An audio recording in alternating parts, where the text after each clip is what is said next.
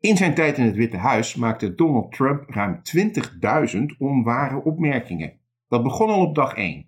Media die foto's van zijn inauguratie lieten zien, waren volgens zijn perssecretaris fake news media. Want ongeacht de feiten was Trumps inhuldiging de best bezochte in de Amerikaanse geschiedenis. Als de pers zijn woordvoerders met onweerlegbare feiten confronteerde, dan maakten ze duidelijk dat de president nu eenmaal uitging van alternatieve feiten.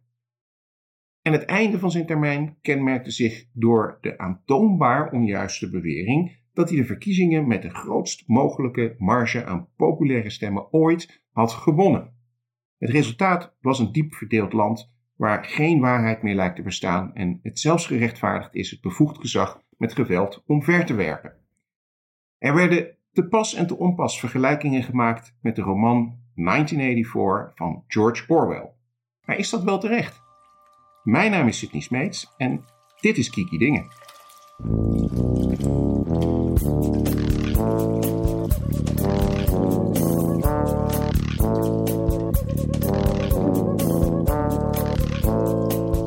Mijn naam is Linda Duits en ik denk zeker dat we in een versie van uh, een uh, dystopische samenleving uh, als 1984 leven. Um, het is wel interessant om te zien dat het gevaar niet van links bleek te komen, niet van de socialistische totalitaire staat, maar van het kapitalisme dat onze levens kut maakt.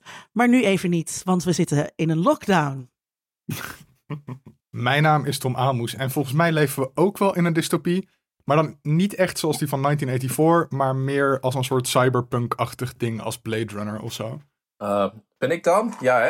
Ja, ja, ja, ja want dan, nou, goed, ja, als gast weet ik het nooit zo goed. Hallo, mijn naam is Dan Hessler Forrest. En um, hoe dystopisch onze wereld ook is, het is eigenlijk precies het tegenovergestelde van Orwelliaans. Um, uh, tenminste, als je ook de moeite neemt om zijn boek te lezen. Uh, maar daar kunnen we het straks over gaan hebben.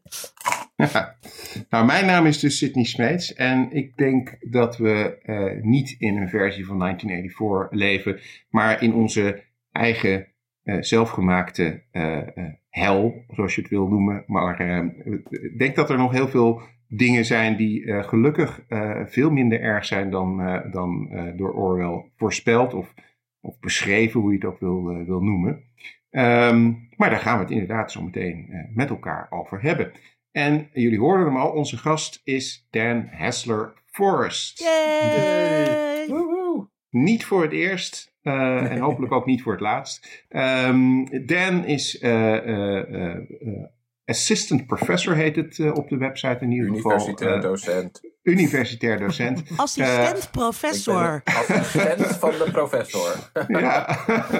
Aan, Heel veel journalisten schrijven dat op. Dat is echt... Oh. Ja, maar dat is niemand, niemand buiten de universiteit geeft om die idiote hiërarchische structuur die elke medewerker aan de universiteit zeg maar vanzelf internaliseert. Extreem dus geïnternaliseerd heeft. Extreem geïnternaliseerd heeft. Dus dus even, nou ja, ter verklaring voor niemand die erop zit te wachten. Uh, je, hebt een, je hebt een soort pikorde en dan zit ik ongeveer in het middel, middensegment van de, van, van, van de macht. Van de macht van de universiteit. Wat ja. heel fijn is, want dat betekent dat ik min of meer mijn gang mag gaan zonder dat ik me echt hoef zorgen te maken om mijn baan. Je loopt niet in de gaten. en um, uh, jouw specialisme is uh, populaire cultuur in feite. Um, hoe gaat het nu uh, met het lesgeven? Ja, dat is verschrikkelijk kut natuurlijk. Uh, tenminste, natuurlijk. In het begin dacht ik echt nog van jeetje, wat, wat, uh, wat, wat apart. Nu moeten we zo via die schermen gaan doen. En uh, nou ja, en heb ik ook echt met, met veel, toch echt wel veel enthousiasme uh, soort kennisclips gemaakt. En, uh, ik kan het ja, woord kennisclip al niet nee, meer echt horen. verschrikkelijk. En YouTube-achtige filmpjes. En dat je ook gaat experimenteren met dan merk je dat als je dus een, voor, de, voor, de, voor het scherm jezelf gaat opnemen en dat, en dat dan gaat terugkijken. Ik hoef godzijdank nooit mijn eigen hoorcolleges terug te luisteren. Maar als ik dat dan opneem en terugluister, dan denk ik, nou, dit is verschrikkelijk. Je moet al die, al die lucht en versprekingen moeten er allemaal uit. Dus dat ga je allemaal eruit zitten knippen.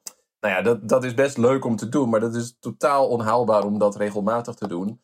Um, en um, daarnaast merk je. Oh, nou ja, een ander ding wat ik heel leuk heb gevonden om online onderwijs te geven, is dat je uh, films en series en zo kun je dus ook met studenten samen kijken. Dat heb ik ook veel georganiseerd. En dan zet je gewoon tegelijkertijd de film aan en dan kun je inmiddels via de chat erover. Nou, kan ik het dus eigenlijk doseren en studenten kunnen meelachen en uh, meeschrikken van dingen.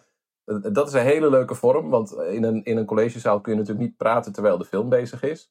Maar voor de rest, ja, ik merk het, studenten die begonnen ook nog een soort van, nou ja, het, het moet eventjes op deze manier en dan in de loop van het jaar komen we weer bij elkaar of zo. Maar daar, ja, al hun enthousiasme, energie en motivatie, die raakt er ook gewoon uit. Iedereen, iedereen is hier doodmoe van. Um, en, uh, en ik dus ook. Um, ik, ik denk ook niet dat we dit. Ik, ik weet niet of we dit onderwijs mogen of kunnen noemen wat we nu doen. Dus mm. hè, colleges geven via deze schermen. Ik zeg ook maar tegen mijn studenten altijd: ja, dit is. Het is gewoon wat we doen omdat we niet weten wat we anders moeten doen en we kunnen moeilijk niks doen of zo. Dus, maar het is niet echt onderwijs. Dus we proberen er het beste van te maken, maar het is gewoon een ontzettende klote situatie. Uh, en dat begint, uh, ja, ik, ik, heb, ik heb weinig te klagen vergeleken met veel andere mensen die het dus echt veel, veel beroerder hebben dan ik. Um, en, uh, en dan denk ik onder andere aan mensen die alleen in huis wonen, nu ook nog met een lockdown te maken hebben. Dank je. nou ja, dat, is, ja, dat, dat, dat vind ik van, nog van een andere orde. Maar ja, het, het, het, het breekt me op. Ja, ik kan er niet meer tegen. Ja. Nou, dus zo nou ja, goed. nu. Ja, nou ja, laten we hopen dat het uh, einde in, uh, in zicht is en dat het vaccineren in Nederland uh, iets sneller gaat de komende tijd. Ja. Het gaat niet snel. Nee, het, Gaat, het gaat niet snel, maar het kan, kan sneller. Het gaat episch langzaam als ik het ja. nieuws mag geloven. Ja, ja, ja Netherlands last is het dan, hè? Mm. Um, maar goed, um, je zei het al, je hebt wel... Kijk, weet je wie, wie dit goed zou kunnen aanpakken? Big Brother. Ja, die, die zou het wel geregeld hebben, ja. Niks geen discussie. Bam, iedereen is, iedereen is gevaccineerd. Precies. Mm -hmm.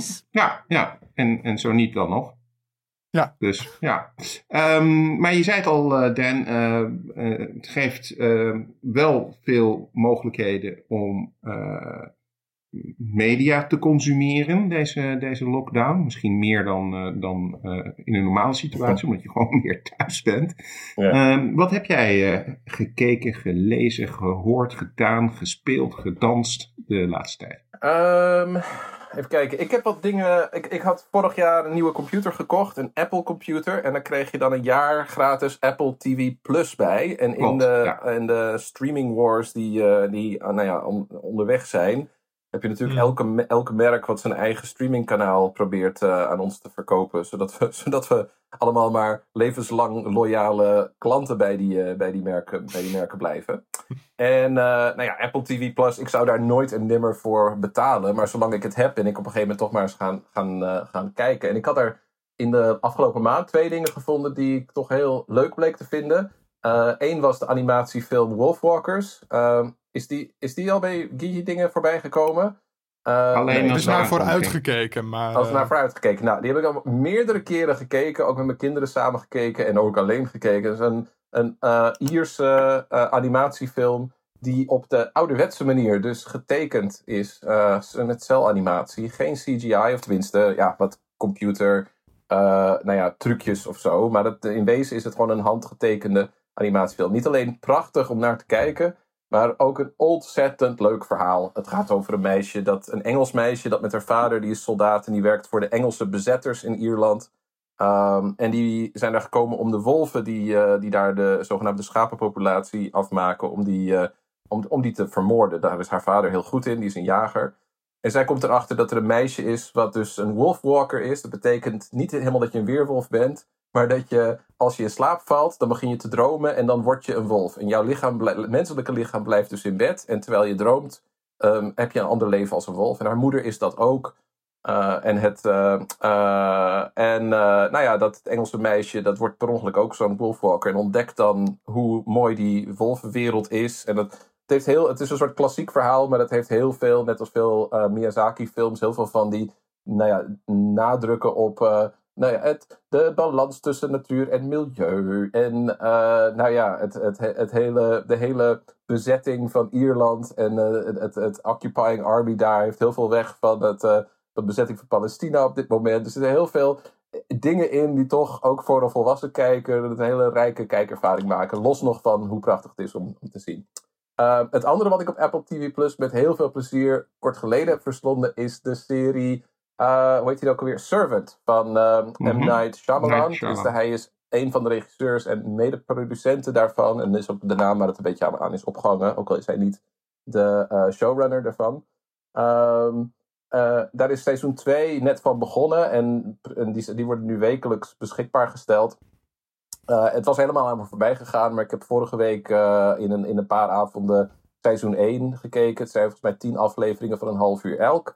En het gaat over een gezin waarvan uh, de, die, die hun baby hebben verloren. Het is in het beginsel onduidelijk wat, wat er is gebeurd, maar dat die baby na een paar weken is overleden, daar hebben ze een enorme klap van gekregen. Um, en die, halen een, uh, die hebben om, om, omdat die moeder het trauma niet kon verwerken, hebben ze een soort uh, robotknuffelbaby. Die de, zeg maar, de, transitie voor haar moet verzachten, omdat ze zo kapot was gegaan van die dood. Dus ze doet nu alsof ze een baby heeft en iedereen speelt dit spelletje mee. Ze halen dan een nanny in huis zelfs om te helpen met die nepbaby. Uh, maar de dag nadat die nanny uh, in huis komt, is die nepbaby ineens plotseling vervangen door een echte baby. En, uh, en ook dan besluit iedereen van, nou ja, we weten niet waar die baby vandaan komt, maar nu is dit is eigenlijk nog beter. um, en het is, heel, het is heel leuk, want het is heel onduidelijk in de serie of dit nou, is er iets, super, bo iets bovennatuurlijks aan de hand? Of uh, heeft, heeft, is hij gewoon een nanny die dus nou ja, iets, te, iets te veel de best doet en zegt: Ja, je klopt iets niet, ik ga even een baby regelen. Um, en zo ja, waar komt die baby dan vandaan? En het is heel. Dit, ja, het is heel... dit, dit hm? klinkt bekend. Heb jij dit ook een keer gezegd, Sydney? Uh, ik heb een keer genoemd dat die serie er is, uh, maar niet uh, gerecenseerd zoals Dan nu doet. ja. Oké, okay, maar dan heb ik dat goed onthouden. Yes, ja. ik heb een keer iets goed onthouden.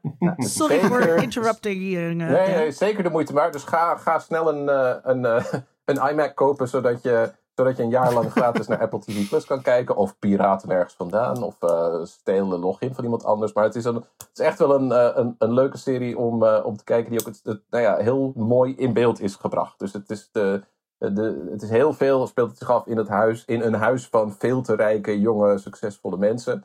En uh, de, de, nou ja, dat, uh, het is, een, het is een, ik vond het een leuke serie. Nou, dat waren ja. mijn twee dingen die ik, uh, twee van de dingen die ik heb gekeken. Ja, opvallend genoeg ook met Rupert Grint, die we kennen als oh ja, dat, Ron, sorry, dat, Ron Weasley. Moet ik nog even zeggen dat, dat de aanwezigheid van Rupert Grint, die heel vaak een beetje als, nou ja, de de, de minste van de drie jonge acteurs uit, uh, uit, uit die vermaardelijde Harry Potter serie is uh, naar voren is gekomen. Omdat hij altijd zo, zo zat te smieren en gekke bekken zat te trekken. Niet heel veel meer dan dat. Maar hij is fenomenaal leuk. Hij speelt een soort, nou ja, over het paard getilde, arrogante kwast. Hij is de broer van de vrouw die, die dus een baby heeft verloren. En uh, hij komt eigenlijk alleen maar op bezoek om de veel te dure wijn daar op te drinken en de, de boel belachelijk te maken. En hij doet dat ontzettend grappig. Had, ik had geen idee dat Rupert Grint dus, nou ja, was uitgegroeid tot een getalenteerd acteur, maar dat is hij absoluut. En alleen zijn aanwezigheid al maakt de serie het kijken waard. Ik zou dat inderdaad niet uh, verwachten. Dat had nee, ik niet achter hem gezocht. Nee, echt niet. Nee. Echt niet. Nee. Nou, Linda, wat, wat, wat jij wel achter deze twee weken gezocht dan uh, qua uh, media? Wat ik, wat ik wel achter deze twee weken heb gezocht. Ik heb, um, uh, we hebben het hier wel eerder over gehad, maar ik heb eindelijk, ik, toen was ik aan begonnen, um, maar toen heb ik twee afleveringen of zo gekeken van The Outsider. Um, oh ja. Stephen King serie op HBO. over een, hoe heet die gast nou? Dat ik natuurlijk even moet opschrijven. Director Krennic. Um, Jason Bateman. Ben Mendelsohn. Oh ja, Ben, en oh, ben ja, Mendelsohn, ja. ja. En Jason uh, Bateman, ja. Die, uh, de Jason Bateman speelt uh, een aardige familievader die opgepakt wordt, dit is helemaal aan het begin, voor het gruwelijk vermoorden van een jongetje. en hij, ehm, daar is heel duidelijk DNA-bewijs voor. Er zijn ook allemaal getuigen die hem dat hebben zien doen. Maar um, hij was tegelijkertijd ook op een conferentie in een andere stad. En uh, een politieagent gaat uitzoeken wat daar gaande is. Um, het is best wel intrigerend, uh, goed gemaakt. Vond dat het aan het midden een beetje inzakte. Um, maar ja, het, het, is, het, is een, het is zeker de moeite waard als je van Stephen King-achtige dingen houdt. Um, ja, ik, ja. Vond het, uh, ik heb het ook gekeken en het is, voor mij was het een, een, een, typische Stephen King ervaring, omdat, het, omdat de setup en het begin heel goed is. Ja. Uh, maar ja, het einde, uh, ja, daar gaan we er niet te veel over zeggen, dan moet de kijker zelf ervaren. Maar uh, het, het, was wel weer een, voor mij een Stephen King einde. Ja, Ja, ik vond het einde ook. nu niet zo, niet zo slecht. Niet zoals bij... Nee, niet, ehm, niet, on- niet slecht, maar ik had het Tom? anders gehoopt. Ja, eh, eh, voor, voor mij ook. Het was het, het, het, het intrige voor het einde. Eh, eh, vond ik leuker dan het uiteindelijk af, af- eh, afronden van de serie. En dat je dan zit van, oh ja, nu weet ik het, oké. Ja. Ja. niet zo, ja. Ja. ja.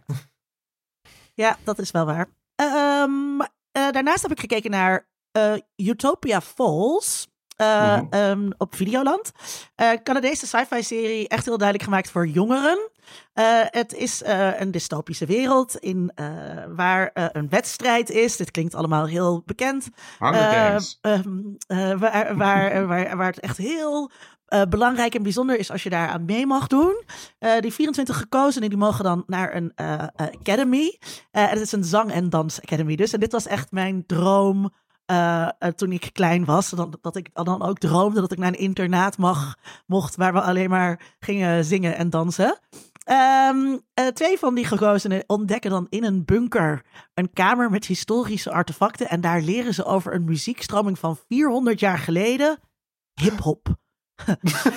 en ehm, met hip-hop komt natuurlijk verandering. En ehm, eh, het is een Canadees, dus ik kende echt niemand van al die mensen. En het, ja, het is echt gewoon lekker wegkijken. Mm, ja, heel, het is, het, ik vond het heel grappig gedaan. Ik heb het, eh, ik heb het eh, vrij snel uitgekeken.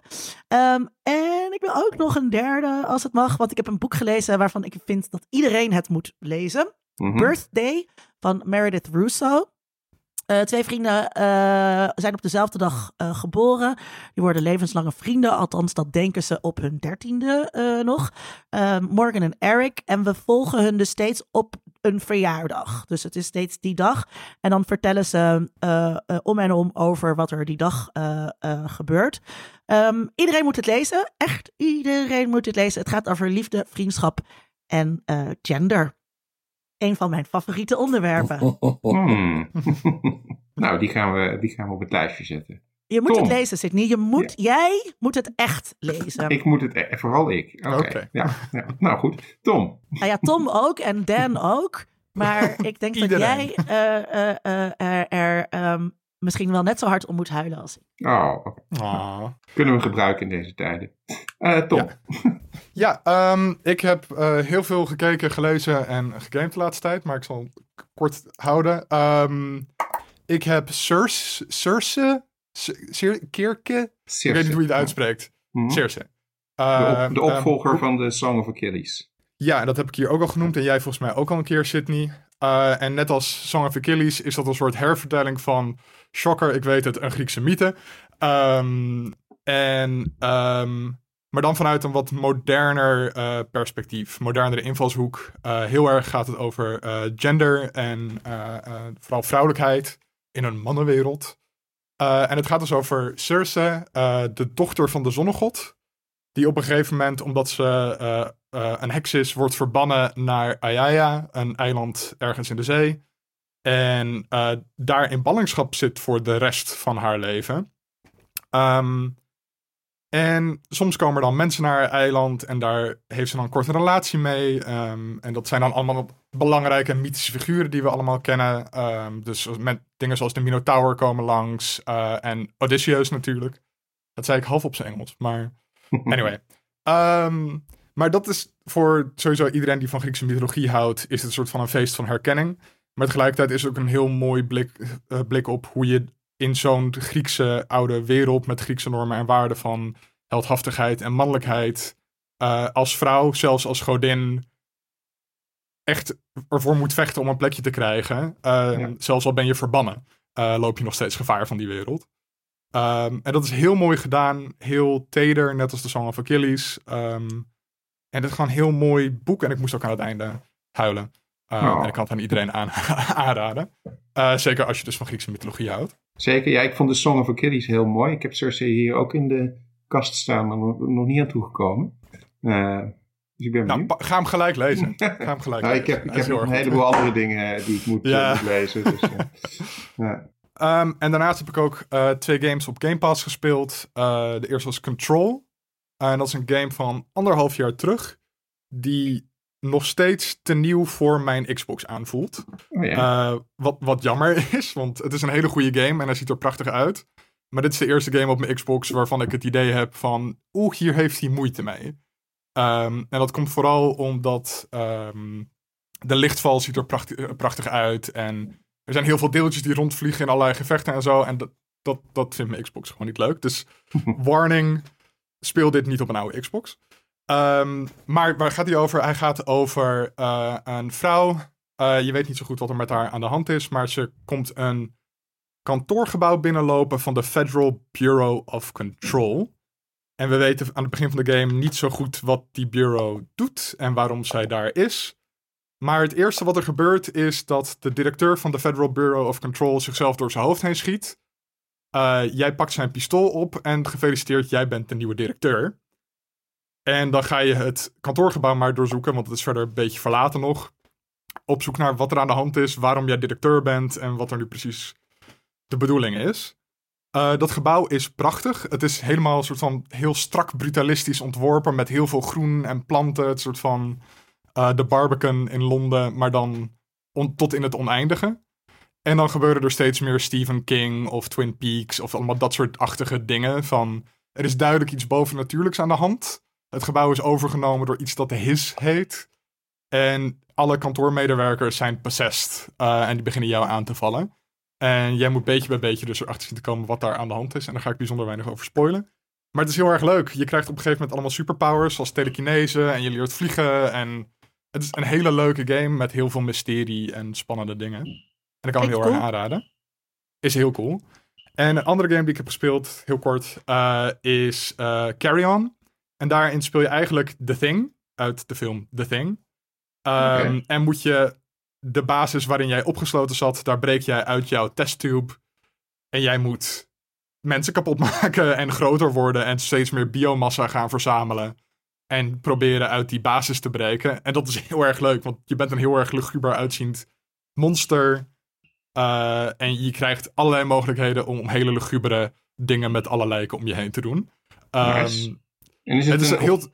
Is het ook echt gebaseerd op de, de, de film van. Uh, ik denk Carpenter? niet dat ze de rechten hebben, maar het is hm. wel heel erg duidelijk dat ze daar, uh, door gebaseerd zijn, daarop gebaseerd zijn. Het is echt zo'n oldschool side-scroller, heel erg pixelig, maar het ziet er nog steeds heel erg creepy en horrorachtig uit. Het is echt een aanrader, het is echt heel leuk. Nice, oké. Okay.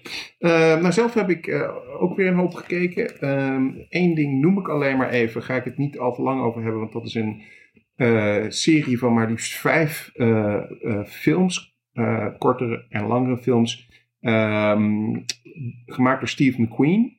Um, Small Axe heet het. Het is een soort anthology. die gaat over de Caribische gemeenschap in Groot-Brittannië. eigenlijk vanaf de jaren 50 tot nou, ik denk de jaren 80 dat het ongeveer eindigt. Uh, de jaren 80, ja. Ja, uh, prachtige uh, films. Allemaal heel anders van toon en, en soort en verhaal.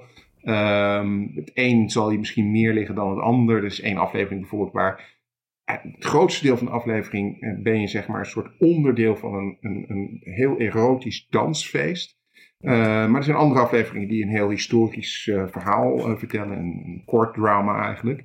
Um, en allemaal vanuit die Caribische invalshoek. heel interessant. Um, in ieder geval een community waar ik niet zo heel veel van af wist en door die films toch meer zicht op krijg. en gewoon prachtig gemaakt. Dus een aanrader. Maar het kost je wel wat tijd, want het zijn echt vijf films. Het is niet een, een serie met afleveringen, zeg maar. Um, Small Axe dus. Dan heb ik nog gekeken naar twee films. Uh, het zijn gewoon, gewoon leuke films uh, om, om even weg te kijken op een zondagmiddag. de ene heet Save Yourselves. Dat is een soort indie science fiction comedy waarbij een, een echtpaar, hele hippe, hip echtpaar van midden twintig, op een gegeven moment in, de, in de bossen in een hutje een weekend weggaat om een beetje tot elkaar te komen. En terwijl ze daar zijn, vergaat de wereld door een invasie van buitenaardse wezens. Uh, en daar komen ze achter op het moment dat ze dat hutje weer uitkomen. en dat is, dat is heel grappig gedaan. Special effects stellen niet zoveel voor, maar het is een, een grappig klein verhaal. En de andere die ik heb gekeken is um, een film van Elijah Wood. die we allemaal kennen als Frodo natuurlijk, of uit Back to the Future. Ehm, maar hij speelt nu in Come to Daddy. En Come to Daddy is een Back horror... to the Future? Nou Back to Ja, zeker. Dat was zijn eerste rol. In Back to the Future 2 is hij in het 1980s café. Zie je hem voor. Hij heeft één regeltje tekst. Echt? Yes. Ja, hij staat, Dat, eh, eh, hij staat dan achter de, eh, eh, de flipperkast of ieder geval zoiets. Ehm, Helemaal gemist. oh nee, het is zo'n zo'n spel met, zo'n- met zo'n pistool. Dat, dat is het. Ehm, maar goed, Elijah Wood die eh, speelt nu nog steeds af en toe eh, in films. Eh, en ehm, hij heeft gekozen voor Come to Daddy. En Come to Daddy is hij een, ook weer een hele hippe jonge man. die succes heeft in de muziekindustrie, maar die een beetje vervreemd is geraakt van zijn vader.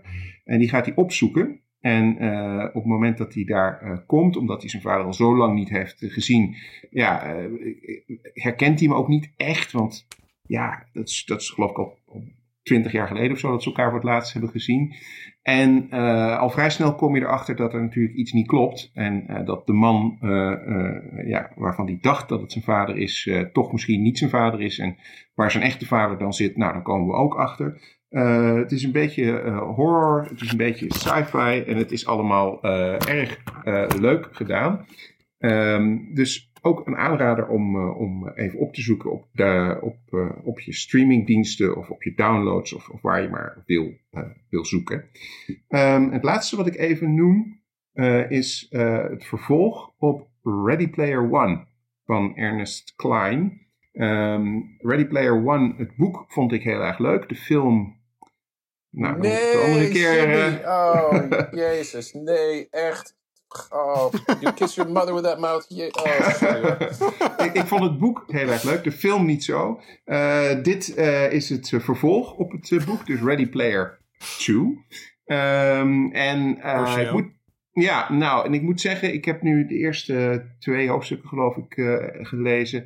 Ehm, het is, het is Dan niet, zit het echt is- heel miserabel te kijken. Gooi het eruit, Dan. ja, Zeg nou, het, is het. Kijk, waar, waar Ja. ik, wat, ik, wat ik van het eerste boek vond, nog, nog, nog wel charmant en leuk vond, al die referenties naar eh, popcultuur, eh, is het in het tweede boek, eh, ehm, wordt het er zo ongelooflijk eh, dik bovenop gelegd. Er wordt niks aan je verbeelding overgelaten. Er wordt meteen uitgelegd eh, wat een bepaalde referentie dan betekent en waar die vandaan komt. Dus je, kan het, je krijgt niet eens meer het gevoel dat je een soort nerd bent die dit begrijpt, want het wordt je gewoon voorgekoud. Dat ik, eh, dat ik me goed kan voorstellen dat dat hetzelfde gevoel is wat Dan waarschijnlijk al bij het eerste boek had. Ja, ja. Het gevoel dat je dan, dat je een boek, ik heb, ja, dat één keer boos tegen de muur gooien voelt niet genoeg. Weet je, dat je zegt, van, nou, ik ga nog een bladzijde lezen, zodat ik gewoon nog een keer ehm, eh, uit het, dat boek uit het raam kan werpen. Nee, But you did read it. ik, ja, nou ja, met gigantische moeite. Ja, omdat het, dit, voelt, dit, zijn, eh, dit voelt dan soms als. Dus mijn baan is natuurlijk super leuk, want ik doe niks meer dan het eh, lezen en kijken van dingen die ik leuk vind en daarover schrijven en praten. Maar, eh, maar daar hoort dit soms ook bij. Je moet dus soms ook. eh, ik moest ook langer dan ik wilde naar, eh, naar, naar shit zoals The Walking Dead kijken. Ehm, ja, nou ja, zo heb ik nog wel meer dingen. Zeg maar, tot, die, die, die, nou ja, waarvan ik denk, ik zit liever een geslepen potlood in mijn voorhoofd te drukken. dan dat ik nog bladzijde verder onderga. Eh, ik vond het grappige van de film trouwens, die ook zo erbarmelijk slecht is. Die, eh, dat, het tegelijk, dat, dat Spielberg daarin ook een soort van: ja, ik weet wel dat dit nonsens en bullshit is, maar ja, ik heb dit nou eenmaal op me genomen, want ik voelde me een soort van verplicht. Maar dat het einde van die film ook zoiets is van: ja, jongens, get alive. Echt, wat een, wat een nonsens. En hoe jij het tweede deel beschreef, voelde inderdaad een Ja, precies, maar dan nog een vrij ruimhartige beschrijving van eh, hoe ik Ready Player One heb ervaren. Ja. Beeldingsloze eh, fanservice voor de ergste soort mannelijke witte fans die, eh, die nog steeds eh, een, een harde piemel krijgen van Lorraine McFly. Sorry, daar Ja, We ja. het hebben, al. we hebben een eh, aflevering. er is een aflevering eh, van Geeky Dingen over Ready Player One en eh, Dat was een van onze eerste. Ja, klopt. ja. Oh, hey, maar sorry, nu ik toch aan het eh, ingebroken was, mag ik? Ik wilde inhaken op, op iets anders wat Sydney zei, waar ik juist heel erg van aansloeg. En, en Mhm. laten we proberen positieve dingen. Juist, het is zo juist. makkelijk om te vervallen in dit soort apocalypticisme. Ehm, maar eh, omdat je het had over small acts, wat een, een aanbeveling die ik enorm ondersteun. Ik vind, nou ja, zeker drie van die films, uit die, van die afleveringen, behoren voor mij tot de beste films van het afgelopen jaar. Eh, gewoon alleen al in hoe filmisch ze gemaakt zijn. En Lovers Rock, de, de, de, zeg maar, nou ja, de ongelooflijk on, ehm, eh, overweldigende verbeelding van een, een, ja, een, een feest wat maar doorgaat en doorgaat. Van waanzinnig mooi in beeld gebracht. Maar ik, het deed me denken aan iets anders wat ik ook had gezien, wat ik vergat te noemen. Eh, en, en dat is de film One Night in Miami. Die eh, heel kort geleden op, volgens mij is die op Amazon Prime eh, beschikbaar. Maar het is Ja. een eh, verfilming van een toneelstuk. En daar hou ik meestal niet zo van. Ehm, want ja, omdat het vaak niet zoveel verder komt dan dat gevoel. Van ja, ik zit naar mensen die gewoon ja, op een beetje theatrale manier met elkaar zitten te praten, te kijken. Dus ik ging hier met een soort van frisse tegenzin, begon ik hieraan. Ehm, ook omdat het concept ervan, van het toneelstuk, is, voelt ook heel kunstmatig. Want het is dus ehm, het is een, een avond in Miami waarop Muhammad Ali, Malcolm X, eh, Sam Cooke en eh, Jim Brown, vier grote zwarte eh, beroemdheden, in, op één nacht in 1964 eh, een, een avond met elkaar in discussie gaan in een hotelkamer. Dat is de avond nadat Muhammad Ali, die op dat moment nog bij de naam Cassius Clay gaat, dat hij Sonny Liston verslaat. En de nacht waarop hij besluit om eh, zich te converteren naar de, eh, naar de islam. Dus dat hij moslim wordt en dus ook bij de, bij de Brotherhood komt. Uh, maar eh, de film, die ook het regiedebuut is van actrice Regina King, die veel kennen als nou ja, bijvoorbeeld de hoofdrolspeler in eh, eh, de Watchmen-serie van HBO.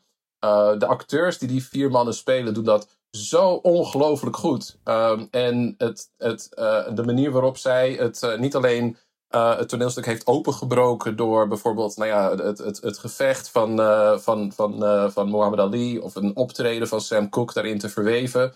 Maar de acteurs die die rollen spelen, de acteur die Sam Cooke speelt, die, die is, uh, was een van de grote rollen in, in Hamilton. En die is waanzinnig goed, zowel als zanger als als acteur. En alle issues waar zij het over hebben, als zwarte mannen, zwarte beroemdheden. Hè, wat, doe je als, als, uh, wat doe je als zwarte man op dat moment in 1963? Voelde zo onvoorstelbaar relevant. Het is zo'n leuke film om naar te kijken. Ja, ik kwam er echt. Uh, ik, nou ja, tot mijn verbazing was het dus een ontzettend leuke film. Uh, One Night ja. in, in Miami. Ja. En dan wil ik nog, sorry, nu, ik, ik, ik, ik, ik, ik stop niet. Ik doe nog één ding. Ja, maar dat is echt, want dat is een, een meer geeky ding. Wat, mm -hmm. wat, wat ik eigenlijk had op moeten schrijven, maar ik dacht er net aan vanwege Ready Player One. Um, ik had een boek gelezen in de kerstvakantie. Voor, ja, is toch ergens goed voor. Ik had een boek gelezen in de kerstvakantie, wat ik wat me een beetje tegenviel. Dat is het boek uh, The Making of uh, Indiana Jones van uh, J.W. Rinsler. Ja. En Rinsler die schrijft van die van ontzettend gedetailleerde boeken over, nou ja, heeft hij de Star Wars films, de eerste drie mm -hmm. Star Wars films heeft hij boeken van gemaakt. Alien en Aliens heeft hij nu gedaan. En hij is dus per nou ja, grote nerdfilm is hij daar een magistraal boekwerk van het maken. Ik, ik heb ze allemaal, dus als je ze wil lenen dan... Nee, ik heb ze ook allemaal staan. Maar uh, de, de Indiana Jones films, hij stond al heel lang op de plank, maar dat is één boek over alles. Nou ja, er zijn natuurlijk maar drie films, maar hij heeft het over een vierde die ook schijnt te bestaan, maar dat weet ik niet. um, maar um, die komen er een beetje bekaaid vanaf, omdat, omdat die dus zo gecomprimeerd in één boek zitten. Maar het was vond toch als, als nou ja, uh, Harrison Ford fanaat en uh, Indiana Jones fan leuk om eens te lezen. Maar het idee waar het me op bracht, daar gaat het eigenlijk om. En dat is dat ik dacht, ik ga nu dit, naar dit boek ga ik eens um, de films van Steven Spielberg achter elkaar doorkijken. Dus mijn uh, Spielbergathon, die begon met Duel en dan um, The Sugarland Express, Jaws, nou ja, enzovoort. Ik ben nu bij Empire of the Sun. Um, vond ik dus een hele leuke manier uh, om om, film, om, nou ja, om in deze lockdown film te kijken. Omdat je, als je films van een regisseur op chronologische volgorde gaat zien, dan ga je ze toch op een hele andere manier beleven. Uh, en ja, nou ja, ze zijn niet allemaal even makkelijk op streamingdiensten, want dat zijn natuurlijk ontzettende klote videotheken. Maar wie, zoals ik, alles op schijfjes in de kast heeft staan, die doet daar zijn voordeel bij. Ik heb al een hele lijst gemaakt van regisseur marathons die ik hierna ga ondernemen. Wes Anderson wil ik doen. Jonathan Demme wil ik doen. De Coen Brothers wil ik ook wel graag doen. Brian De Palma, Paul Thomas Anderson. Nou, noem maar op. Dat ik denk, oh wat leuk. Dan ga je gewoon van het begin van hun carrière. En je ziet ze zo ontwikkelen. Je ziet ze wel eens misstappen maken of dingen uitproberen. Um, en uh, nou, het, het, heeft mij in ieder geval heel veel kijkplezier opgeleverd. Dus het is bij deze een lockdown aanrader. Ja, dat, nou, ook, we hebben uh, het, dat hebben wij uh, toen ook met de uh, Wes Anderson aflevering. Heb ik dat ook gedaan met al Wes Anderson's film. Gewoon in een twee weken tijd gewoon door dat hele ding heen gekeken. Dat was ook heel erg leuk om te doen. ja, ik kreeg echt een ander soort waardering voor, voor die films. Ja, en bij, op een manier tot leven, ja. Klopt, klopt. En uh, van Wes Anderson is inmiddels bijna alles in de Criterion uh, Collection uh, verschenen. Dus die kun je allemaal in, in hele mooie hoesjes, die ja. jij allemaal wegstopt, kun, je, ja. kun je die verzamelen. Um, nou, nog iemand een nabrander van iets waarvan die zegt, daar ben ik nog opgekomen, dat zijn we nu vergeten? Nee, hè? nee, nee. Dan gaan we door.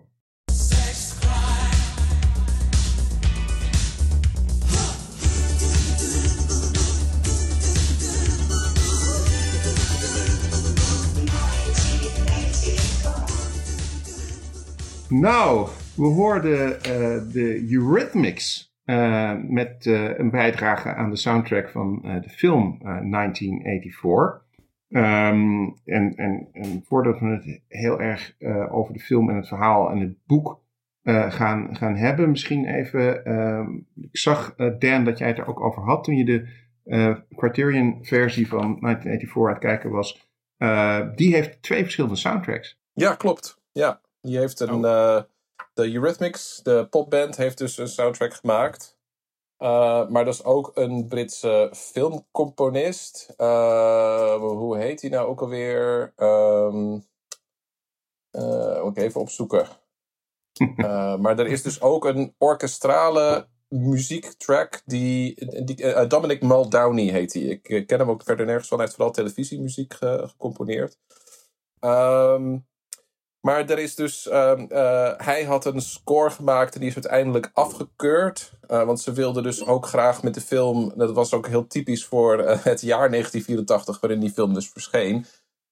het was de tijd waarin films zoals Flashdance en Top Gun, nou ja, niet alleen um, profiteerden van hun high concept als film, maar daarnaast ook een nou ja, prominente band of artiest aan zich wisten te koppelen met een videoclip die op, op MTV dan nou ja, nog meer kijkers naar de film kon trekken. En uh, Eurythmics hadden dan nummer 1984 tussen haakjes Sex Crime, als ik het goed, uh, als ik het mm. goed heb onthouden. Of is het precies andersom. Maar um, uh, nou, ze wilden dus eigenlijk, ze dachten nou we kunnen deze film, ja een beetje een gekke gedachte, we moeten hem wat toegankelijker maken en wat minder deprimerend misschien. Dus in de versie die toen is verschenen, ja, dat is een beetje raar. Uh, wilden ze, nou ja, wat, uh, uh, een, een, op dat moment op hun hoogtepunt een popband ervoor binnenslepen. En dat werd dus die Eurythmics. En um, in die versie van de film zit de oorspronkelijke orkestrale soundtrack, of tenminste, er komt werk van, van Maldowney, komt er wel in voor. Want er zijn allerlei muziekthema's die zijn gecomponeerd, die eigenlijk binnen de film, dus binnen de verhaalwereld van de film zitten zijn ook uh, soort propagandaliedjes die, kinderen, die je kinderen ziet zingen. Een beetje van die fascistische, ja. van die Hitlerjugendachtige deuntjes. Ja, en het uh, volkslied, hè? Uh, en het volkslied natuurlijk. Dat hoor je ook heel prominent.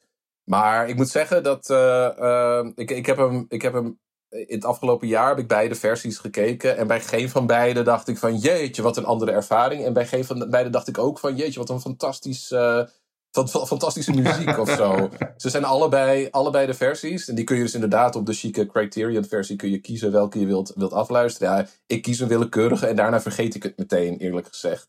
Dus het is niet een, uh, het is niet een heel... Het is niet een zo groot verschil zoals bijvoorbeeld bij de film Legend van Ridley Scott. Daar heb je, uh, daar had uh, Jerry Goldsmith had daar ook een orkestrale, romantische orkestrale soundtrack voor geschreven of score voor geschreven.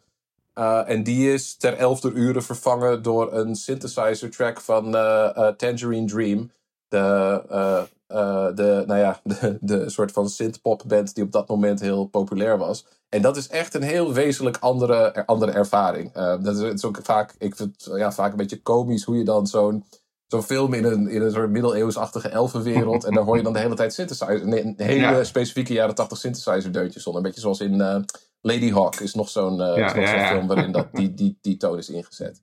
Maar goed, bij 1984 zijn er dus twee versies. Maar ja, het is eh lood om oud ijzer, zullen we zeggen. Ja, ja de, de, eh, een deel van de achtergrond daarbij is dat een van de mensen die geld hebben gestopt in die film.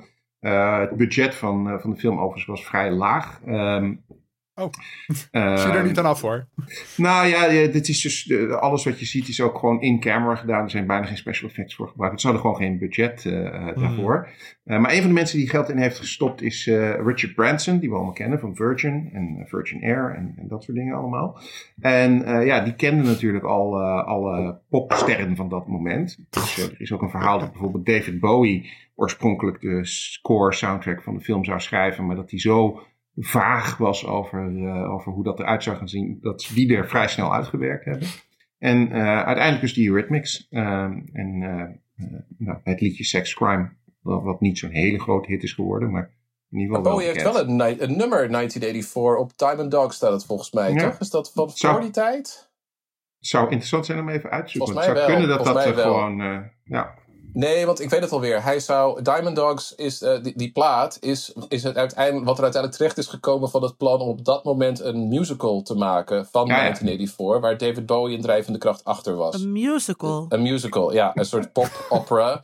Je moet denken, dit is de tijd. En dit was in de tijd waarin eh The Who met eh, Tommy en Quadrophenia en zo. eh, ja, en ook eh, Pink Floyd en The Wall. Dat het idee van, ja, je kan dus hele deprimerende verhalen in hele pretentieuze, eindeloze rockopera's verwerken. En daar een fantastische conceptalbum en daarnaast misschien ook een film van maken of een stage show. De witte mannerigheid daarvan is te groot voor mij. Ja, is echt te Eh, groot. Dit is echt top 2000 bullshit allemaal. Echt, ja. maar, ehm, eh, maar dat was het plan. En dat is dus uiteindelijk. Het, het, het was ook. eh, de, de rechten van 1984 die zijn ook als een soort van eh, hete aardappel van de ene naar de andere gevlogen in de loop van de jaren. En uiteindelijk had Michael Radford dus. Die had een soort plan. En die zei, nou ja, die moest dus die rechten ergens vandaan zien te krijgen. Bij verschillende regisseurs die het op zich wel wilden, maar nooit echt een goed idee hadden. En die is inderdaad naar Branson toe gegaan en gezegd: Ja, we hebben nu een script. We hebben ook een hoofdrolspeler. Uh, we hebben een budget. We hebben alleen nog geen geld. Uh, wat, wat denk jij? En zei: Nou, doen. En hier is het geld. Dus, nou ja, iets reductief gesproken, maar dat is wel ongeveer hoe het ging. Dus pas toen Branson zei: Oké, okay, ik, uh, ik garandeer jullie budget, kwam het van de grond. En het, een, een soort grappige trivia van die film, die ik nog zelfs weet van die tijd, is dat ze dus, het is een beetje onzinnig, maar dat ze niet alleen op een aantal locaties hebben gefilmd, die dus, nou ja, die eigenlijk de setting van de, van de roman vormen, maar ook de, de set, zo veel mogelijk hun best deden om in het jaar 1984 op de datum die in het dagboek wordt genoemd, de betreffende scène te filmen. Oh, echt? Dus, ja, onzin. zo, ja, echt, echt, totaal, echt, Dat echt, is echt, onzinnig. echt gelul. Nou ja, ze, wilde, ze wilde inderdaad heel graag dat dit de definitieve versie van 1984 zou uh, worden. Nou, Ja. Ik denk op zich dat dat overigens best wel aardig gelukt is, hoewel waarschijnlijk over 100 jaar uh, een totaal andere versie gemaakt Ik vond wordt. het echt, echt, echt kut hoor. Oh, nou, oké, daar, ga- daar gaan we het nog over hebben. Dat, dat is voor zo. eh. Ja, maar, eh, maar het is inderdaad precies wat Dan zegt. Ze, ze zaten dus heel erg met een soort marketing Ehm, en John Hurt heeft ook gezegd dat hij dat zelf ook nogal onzin vond. eh, eh, eh, in interviews over de film. Maar ze zaten heel erg met dat marketing ding dat dit in 1984 was opgenomen. En dus daarom eh, eh, beter kon verkocht worden aan het publiek. Dat is het eigenlijk. Oké. Ja, 1984. ehm, de- toen is de film gemaakt. In ieder geval voorlopig de laatste versie van ne- 1984. Daarvoor zijn er wel wat andere versies gemaakt. Ehm, George Orwell. Moeten we misschien even over hebben. Wie, wie was dat eigenlijk? Linda, wil jij daar iets over zeggen? Ja, je hebt Wat? die boek in je hand. ik- Linda eh, pakt een boek erbij. Ja, ja. Wat ik, we- we- er, staat, er staat misschien wel hier. eh, George Orwell is een pseudoniem van Eric Blair. Hij is geboren in 1903. En ehm, hij is geboren in Bengalië. Opge, eh, is naar Eton gegaan. Zo iemand ehm, was het. Ehm, hij heeft ook nog gediend eh, in het leger. Allemaal heel netjes. Olifant neergeschoten. He was essentially Nou. a political writer, wat je natuurlijk ook meteen, ja, dat wisten we allemaal al. Um, critical of communism, but considered himself a socialist. Ik denk dat dat, uh, uh, dat, dat belangrijk is. Uh, of dat geeft wat aardige achtergrondinformatie. Um, he hated intellectuals, although he was a literary critic. He despised cant, lying and cruelty in life and in literature. Nou ja, um, dat, dat, dat was dat hij. dus, ja. Uh, dat, dat, dat was hij. En um, uh, hij heeft ook uh, Animal Farm geschreven, wat natuurlijk ook een heel bekend, een hele bekende allegorie is. Mm -hmm. um, all men are created equal, but some men are uh, more equal than others. Wat natuurlijk ook een bekende slogan is. Uh, animals, overal... all animals, dus zeg geen men. oh, ja, all animals, maar en dat is uh, die je ook natuurlijk overal ziet uh, opduiken zonder dat mensen dat boek hebben gelezen. Ja, Ik ja vond, het is ook nog wel... bij- ja, i- iemand. Ja, Ja, nee, ja, ja? Ja, eh, dat is ook wel eh, eh, belangrijk om te zeggen hoe, hoe Orwell soort van... Hij was wel socialist en ook wel echt vrij heftig daarin. Hij heeft letterlijk de wapens opgepakt om in Spanje tegen de fascisten te strijden met de socialisten. Eh, maar daar is hij ook soort van heel erg anticommunistisch geworden. Omdat hij daar merkte dat je de Sovjets natuurlijk en autoritaire communisten niet kan vertrouwen op het moment dat zij eh, ook maar een beetje eh, een vinger in de pap krijgen. Ze komen je gewoon halen. Ehm, Mhm. eh, zelfs al ben je ook een, een, een, me- linkse medestander van hen. dat maakt niet uit, want het is hun versie van het socialisme of communisme. En geen enkele andere. Dus dat heeft hij daar aan de lijve ondervonden. Maar gelukkig is hij daar op tijd weggekomen voordat het echt heel drastisch werd. Ja, hij zei op een gegeven moment, want Linda wilde volgens mij nog wat zeggen, maar hij zei op een gegeven moment dat, eh, omdat hij natuurlijk zelf in die burgeroorlog eh, meevocht in, in een bepaalde groep partisanen of, of in ieder geval vechters. Er waren er heel, heel veel verschillende, maar goed, zijn clubje was vrij marginaal, naar ik heb begrepen. Ehm, en wat hij zei is van ja, dan, dan, dan had hij dus zelf meegedaan aan een bepaald gevecht, of hij had in ieder geval gezien hoe dat gegaan was. En dan las hij later in de krant of in het partijblad de beschrijving van dat gevecht of van die, van die slag. En dan, en dan kon hij dus gewoon zien dat het allemaal onzin was, dat het niet waar was wat daar stond. En dat, dat schijnt in ieder geval voor een deel eh, gespeeld te hebben als inspiratie voor, voor wat hij in 1984 ook eh, natuurlijk naar voren eh, brengt. Eh, maar Linda, jij was volgens mij met, Oh, met ik, iets eh, ik, bezig. wou- ja. ik, eh, ik, ik had het boek, ehm, heb ik, volgens mij heb ik het voor school moeten lezen ehm, ooit. En toen was ik natuurlijk helemaal niet in staat om het te waarderen. Ehm, dat is dan ook weer zoiets als je voor je Engelse lijst moet lezen. En ik vond het echt, dus het was heel prettig, dat wou ik zeggen, om, Mhm. om, het, om het nu te lezen met de bagage die ik nu, nu heb. En er zitten echt een aantal dingen in die ik eh, ook als mediawetenschapper heel briljant vond. ja, fijn huiswerk dus. Eh, nee, want daarna moest ik die kutfilm kijken. Ja. nou, voordat, voordat we het over die film gaan hebben, nog even, want eh, George Orwell. Nee, ik wil het helemaal niet over die film hebben. Ik wil het alleen maar over het boek hebben. Ja, nou, dat gaan we, gaan we, gaan we allemaal doen. Ja. Ehm, eh, werd net al gezegd, hè, eh, 1984, maar ook Animal Farm. En ehm, zijn naam is natuurlijk eh, eh, verbonden eh, aan ja, dystopieën en, en, en dystopische gedachten over onze samenleving en de toekomst. Ehm, en is dat eigenlijk, kunnen, kunnen we daar nog iets meer over zeggen? Hoe komt dat nou eigenlijk dat dingen zoals Animal Farm iets is wat iedereen kent? En hè, wat je zegt van eh, sommige dieren zijn gelijk, maar andere zijn meer gelijk. En eh, eh, nou, Big Brother uit ne- eh, 1984, ehm, de gedachtepolitie uit 1984, dat dat allemaal van die termen zijn die nog steeds zo eh, bekend zijn en, en eh, waarbij iedereen ook eigenlijk meteen een associatie heeft. Nou ja, ik, volgens mij, eh, die- je, moet, je moet altijd een beetje uitkijken als iemand zijn naam een bijvoeglijk naamwoord wordt. Mhm. dus, eh, Ja. dus we hebben het niet gewoon zomaar... Eh, dus we hebben het over. eh, mensen nemen al heel snel het woord Orwelliaans in de, in de mond. Eh, ik, ik denk dat als je vandaag op social media gaat kijken, dat je per uur, ik weet niet hoeveel honderd Orwelliaanse kreten tegen zult komen. Mhm. Eh, van alle kanten van het politieke spectrum. Dus eh, dat zie je bij de extreemrechtse wappies die het hebben over de, ja, de, de G5-masten die eh, mind control uitoefenen. Of de, de manier waarop het kartel, kabinetkartel ons onder de duim probeert te houden met leugens over corona. Aan de andere kant net zo goed. Maar dus het is, het is een beetje een, eh, een niet-zeggende term geworden voor het idee dat er een soort totalitaire, dystopische macht achter de schermen schuil gaat. Ehm, het, is een beetje, het was een beetje raar om het over Orwell zelf te hebben dan in die context, omdat hij, ja, hij is natuurlijk nog niet één ding geweest. Hij heeft best een heel leven gehad. En daarin is hij een aantal keren ook flink van gedachten veranderd over een aantal zaken. eh, zoals we allemaal wel eens doen. Ehm, en eh, mensen maken dus heel makkelijk gebruik van elementen uit zijn werk. En ik denk dat het dominante element daar is geweest dat hij die twee boeken van hem, die veruit meest gelezen boeken 1984 en Animal Farm, eh, met name zijn gelezen in het Koude Oorlog tijdperk. Dus in een tijdperk waarin het Westen zich heel erg af ging zetten van eh, de invulling die uh, staatssocialisme onder de, onder de noemer communisme in de Sovjet-Unie op dat, en, de, en, en hun satellietstaten op dat moment kreeg. Ehm, en daarom ook heel dankbaar ook juist op scholen werden gelezen als een soort vorm van anti-communistische propaganda. Dus het idee dat een. Ehm, eh, ik heb niet zo lang geleden nog de, uh, de, de, uh, de Britse verfilming van Animal Farm, de, teken, de mhm. tekenfilmversie gezien. Fantastisch leuke film, maar eigenlijk politiek ook veel beter of leuker dan het boek. Uh, want het, het, het, idee dat een tekenfilm zo grimmig zou eindigen met het idee dat hè, macht zichzelf altijd, al, dat macht altijd corrumpeert en dat ook een goedbedoelende revolutie vanzelf door negatieve krachten aan de binnenkant omver zou worden geworpen.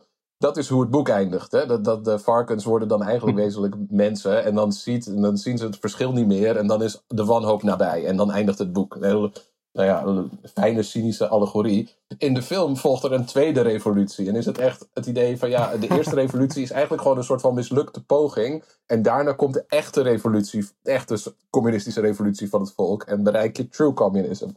Um, maar ik, die, uh, die anti-linkse lading die dat daarom heeft, die altijd, hè, en dat zijn die ontzettende um, vermoeiende discussies op Twitter van mensen die zeggen: het is Orwelliaans. Er is altijd wel iemand die zegt: dat, dat Orwell heeft nog gevochten tegen de fascisten en je bent zelf fascist, man. Nou ja, dat krijg je natuurlijk de hele tijd. Maar die anti-linkse lading die zit daar dus heel duidelijk in, omdat communisme in die periode gewoon simpelweg werd gelijkgesteld met, de, uh, met Stalinisme.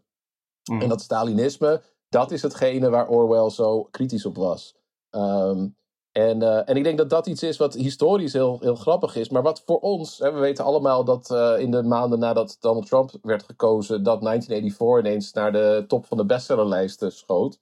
Omdat het allemaal ging om fake news. Maar in de inleiding zei ik al van ja, ik vind het precies het tegenovergestelde van Orwelliaans. Want Orwell was zo'n, uh, een beetje zoals Tolkien, een beetje zo'n ouderwetse, rijke, witte Engelse romanticus die uh, zich enorm ergerde aan veranderingen in technologie en media. En hij zag daarin, nou ja, niet helemaal onterecht, dus een, uh, uh, ja, een, een nieuwe vorm die vooral gebruikt werd om macht uit te oefenen. Mag en ik, dat... mag ik even wat... Ja, graag zelfs. De, ja, de, ik vond het de vetste quote uit het boek. Hij is, hij is best lang, maar het gaat over media. Um, dit, is, dit is dus uit het boek. In het boek uh, voor de luisteraars die het boek niet hebben gelezen. In het boek krijgt uh, hoofdpersoon Winston een, op een gegeven moment een boekje waarin dan zeg maar een soort van de waarheid zou staan of hoe het werkelijk zit. Zou dan geschreven zijn door die verzetsheld um, Goldstein. Dus dit is een passage uit dat boekje. Um, the invention of print, however, made it easier to manipulate public opinion. And the film and the radio carried the process further. With the development of television and the technical advance which made it possible to receive and transmit simultaneously on the same instrument, private life came to an end. En nou ja, ik was, ik, dit schreef hij dus in 1948. 19, um, uh, toen er dus heel weinig uh, televisie nog maar um, uh, was. Mm -hmm. En hij, hij heeft het dus gewoon over ons. Ja, over Zoom eigenlijk. Hè? Over, precies, over wat wij hier nu zitten doen. Er is, er is geen private life meer. En um, die blauwe webcam die hier, hier voor mijn neus brandt. Um, het, het is, dus het is echt voor, vanuit een mediawetenschappelijk perspectief... dat dat ik helemaal nooit zou onthouden of terugbedacht. Uh, dat, ik dat, dus heel, uh, dat ik dat heel interessant vond. Ja. en dat hij. Um, nou ja, sorry. ga verder, Dan. Ik, ik... nou, ja, want voor jou is het dus juist het omgekeerde. Ja, maar het, nou ja, de, het, het grappige is, daar zit dus een heel nou ja, rare tegenstrijdigheid in, in. In hoe dat dus inderdaad toepasselijk is. Ja, zeker. Hè, als je de handleiding van je Samsung TV leest, dan kom je ineens op dat stukje waarin staat. Ja, trouwens, uh, alle, alle audio die de, deze smart TV opneemt, die is dus ook meteen van ons, van Samsung. Mm, dus ja. alle gesprekken die jij in je woonkamer hebt, op je, of je tv aan hebt staan of niet, uh, die is niet meer jouw, die is nu onderdeel van een, van een bedrijf. Maar um, uh, voor Orwell was dit vanzelfsprekend eigenlijk een verlengstuk van één centrale macht. Ja. Um, en is die centrale macht dus ook iets wat aan iedereen dezelfde waarheid oplegt. En dat is waar ik altijd een beetje, een beetje denk van... Hmm, ja, nou, de, de vorm die media hebben gekregen... is juist... Die begon inderdaad in de jaren 50 en 60 met een soort van... Uh, homogeniserende werking. Dat idee na de oorlog met de wederopbouw... dat het allemaal iedereen in dezelfde soort huisje zou wonen, met dezelfde tuin en dezelfde soort baan zou hebben. En dat idee van we gaan stabiliteit en eenkennigheid opbouwen. En dat dat er zowel een ideologisch mm -hmm. politiek proces was, maar ook een materieel proces. Nou ja, dat is wat, de, wat, de jaren, wat, wat inderdaad op dat moment speelde en op dat moment grotendeels vorm kreeg. Uh, en waar cultuurcritici en mediacritici van de jaren 60 en 70 zich enorm, hè, enorme kritiek op hebben geleverd. Ik, ja, dus, maar, ik moest daar dus nu ook de hele tijd aan denken dat, um, uh, uh, dat, dat, dat corrigeren wat Winston uh, doet. Hè? Dus de, mm -hmm. de, de, die archieven de hele tijd aan, aanpassen. Um, hij maakt, ik weet niet of die of dat uh, uh, onbedoeld is of bedoeld, um, maakt Orwell daarmee duidelijk hoe ontzettend complex dat is. En dat desinformatie, wat wij nu hebben, mm -hmm. dat is veel efficiënter. Dat hebben die Russen heel goed begrepen. ja. dat, hè, je, kan, je kan beter heel veel dingen de wereld. dat, is, dat gaat veel makkelijker dan dat je steeds maar weer um, um, moet rectificeren. Ja, tegelijkertijd denk ik dat. Um, Kijk, enerzijds was het natuurlijk voor Orwell uh, um, iets makkelijker om, om uh, een, een, een, beeld te schetsen waarbij je als staat potentieel volledige controle zou kunnen hebben over de geschiedenis. Hè, door, door archieven, uh, bibliotheken, kranten, alles aan te passen naar het beeld wat jij wil. En er is gewoon geen andere informatie beschik beschikbaar. Dus je kunt, behalve dan dat je het je misschien zelf herinnert, maar anders kun je niet meer achterkomen wat dan de echte geschiedenis is geweest. Ja, dat is omdat, er, omdat er geen um, uh, standaard is om mee te vergelijken. Nee, Want dat is ook een heel interessant uh, concept. Want ja. als je geen standaard hebt om mee te vergelijken, dan is er geen relatieve deprivatie mogelijk. En relatieve deprivatie is een voorwaarde voor protest. Ja, en um, in eerste instantie dacht ik van ja, maar door juist ontwikkelingen, en zo is denk ik ook in ieder geval de pioniers van, uh, van, van internet uh, uh, bedoeld. Hè, door de ontwikkeling van een soort toegang tot informatie voor iedereen, voorkom je dat een overheid ja, de, de waarheid zou kunnen gaan bepalen. Want de informatie is voor iedereen beschikbaar, dus je kunt het zelf opzoeken.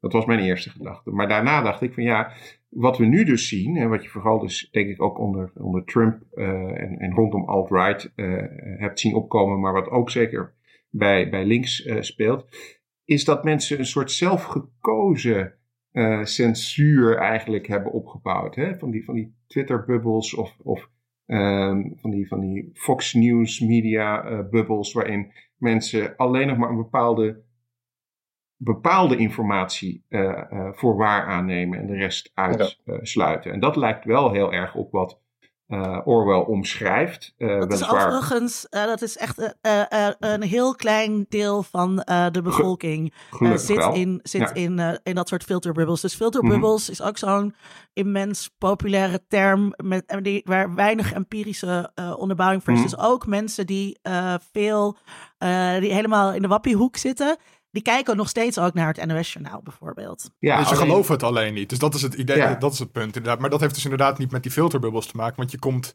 nog steeds inderdaad andere informatiestromen tegen, alleen je leest ze anders. Er is een hele interessante aflevering van Onder Media Doctoren over mm, filterbubbels. nou ja, dat, dat, is, dat is dus waar uh, de ontwikkeling in onze media, hè, in, de, in, in onze geschiedenis van media vanaf de jaren negentig zo'n drastisch andere wending hebben genomen dan, uh, dan die je dus in 1984 ziet. Waarin het niet steeds meer gecentraliseerd wordt en die controle niet steeds verder doorgroeit. Maar waar heel iets anders gebeurt, namelijk het wordt steeds meer gefragmentariseerd. En wat, het, wat we dan zien, is dat het uh, voor mediamacht helemaal niet uitmaakt of je nou uh, uh, het kanaal TLC zit te kijken, of The Music Factory, of uh, National Geographic, of Café Weltschmerz op YouTube. Um, dat maakt helemaal niks uit. De inhoud maakt helemaal niks uit. Het hoeft helemaal niet hetzelfde te zijn, zolang je maar ergens naar zit te kijken. En dat is waar een andere, nou ja, de andere beroemde dystopie, Brave New World van Aldous Huxley, mm -hmm. van een aantal jaar eerder, een stuk dichter in de buurt zat van volgens mij de dominante logica waar, waarop macht wordt uitgeoefend en waarin wij er ook in meegaan. En dat is op basis van plezier. Dat je zegt van, hè, we, ehm, je wil mensen juist verleiden met dingen die ze zelf leuk en mooi vinden. Dus ja, seks en drugs en dat soort dingen allemaal oké, zolang je verder maar in de gebaande paden blijft. En zolang je verder maar goed blijft consumeren.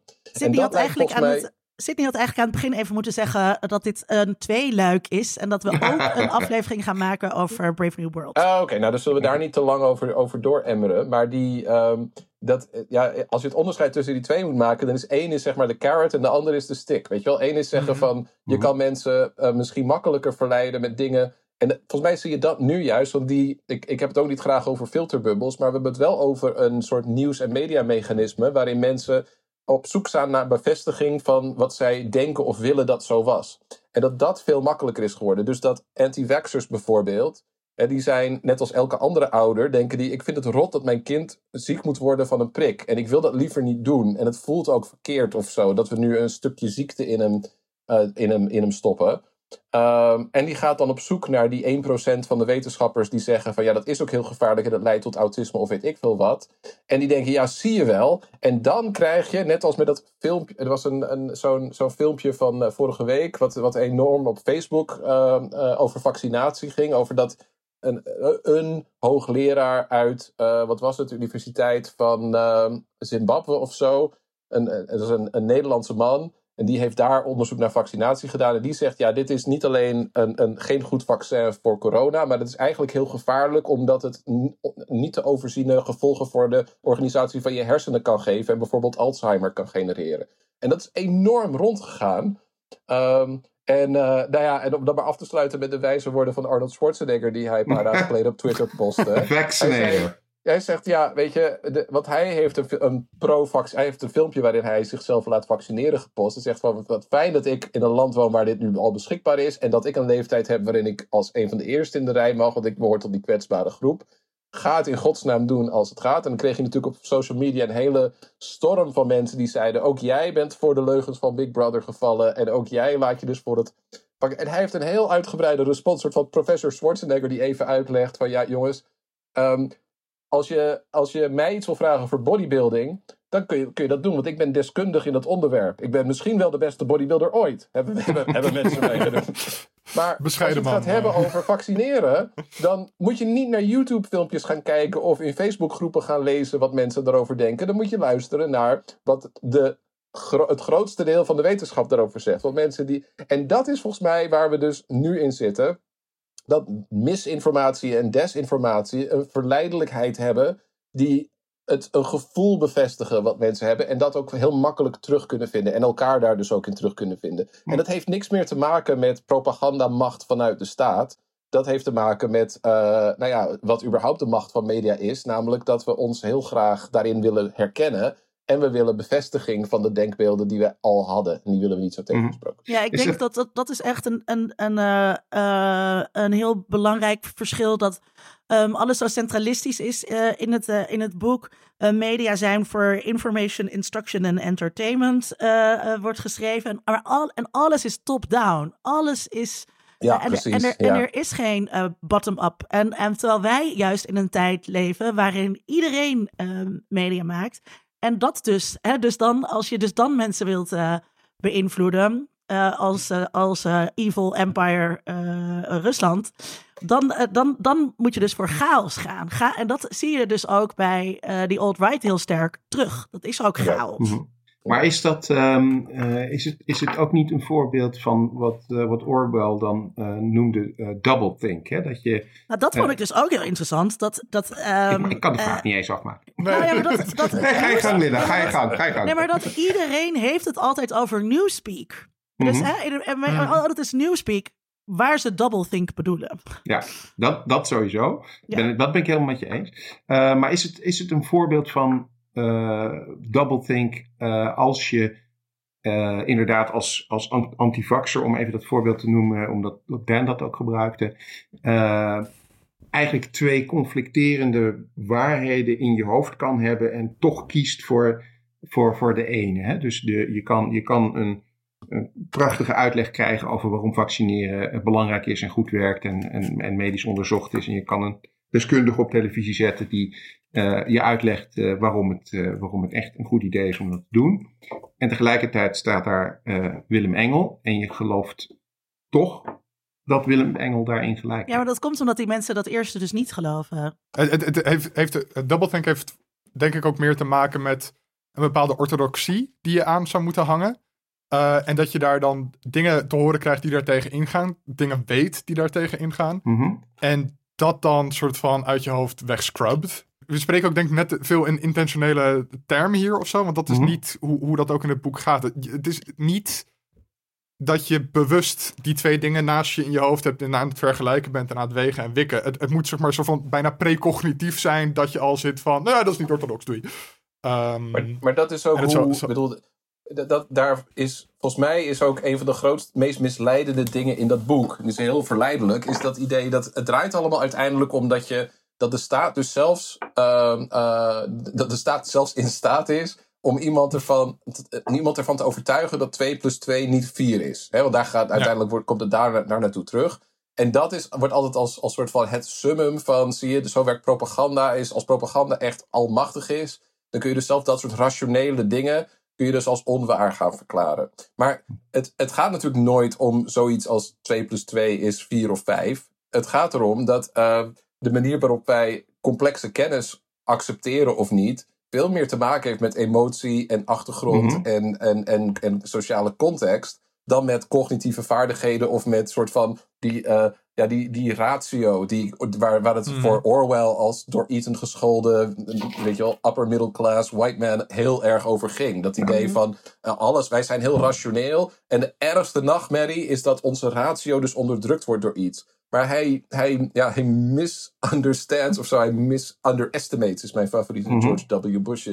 Hij onder- het, het feit dat wij daar, ehm, dat wij heel- dat, dat helemaal niet is hoe wij kennis eigenlijk accepteren of binnenkrijgen. Mm. We gaan niet op zoek naar feiten. We gaan op zoek naar datgene wat we al denken dat zo is. En dan gaan we daar bevestiging voor zoeken. En hoe makkelijker Ja. het is om die bevestiging te vinden, hoe sneller we er dus ook van overtuigd raken. Mhm. En Wat, dat is toch Winston nog heel dus even- wel, wat Winston dus wel ehm, eh, eh, doet. Dus hij wil, hij wil dat die Goldstein echt is.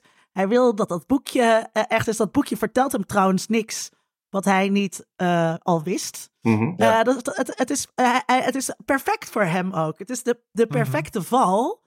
Eh, omdat het perfect aansluit bij hoe hij Ja. dus denkt dat hij het bij elkaar, eh, dat hij het uitgepuzzeld heeft. Dat hij, ehm, eh, ja, e- e- echt Mhm. letterlijk is het wat Ja. hij al had bedacht. Ja, maar dan nog heel even een concreter voorbeeldje van wa- waar ik het over had in de inleiding. Hè, als je kijkt naar die, die, bijvoorbeeld die inauguratie van Trump.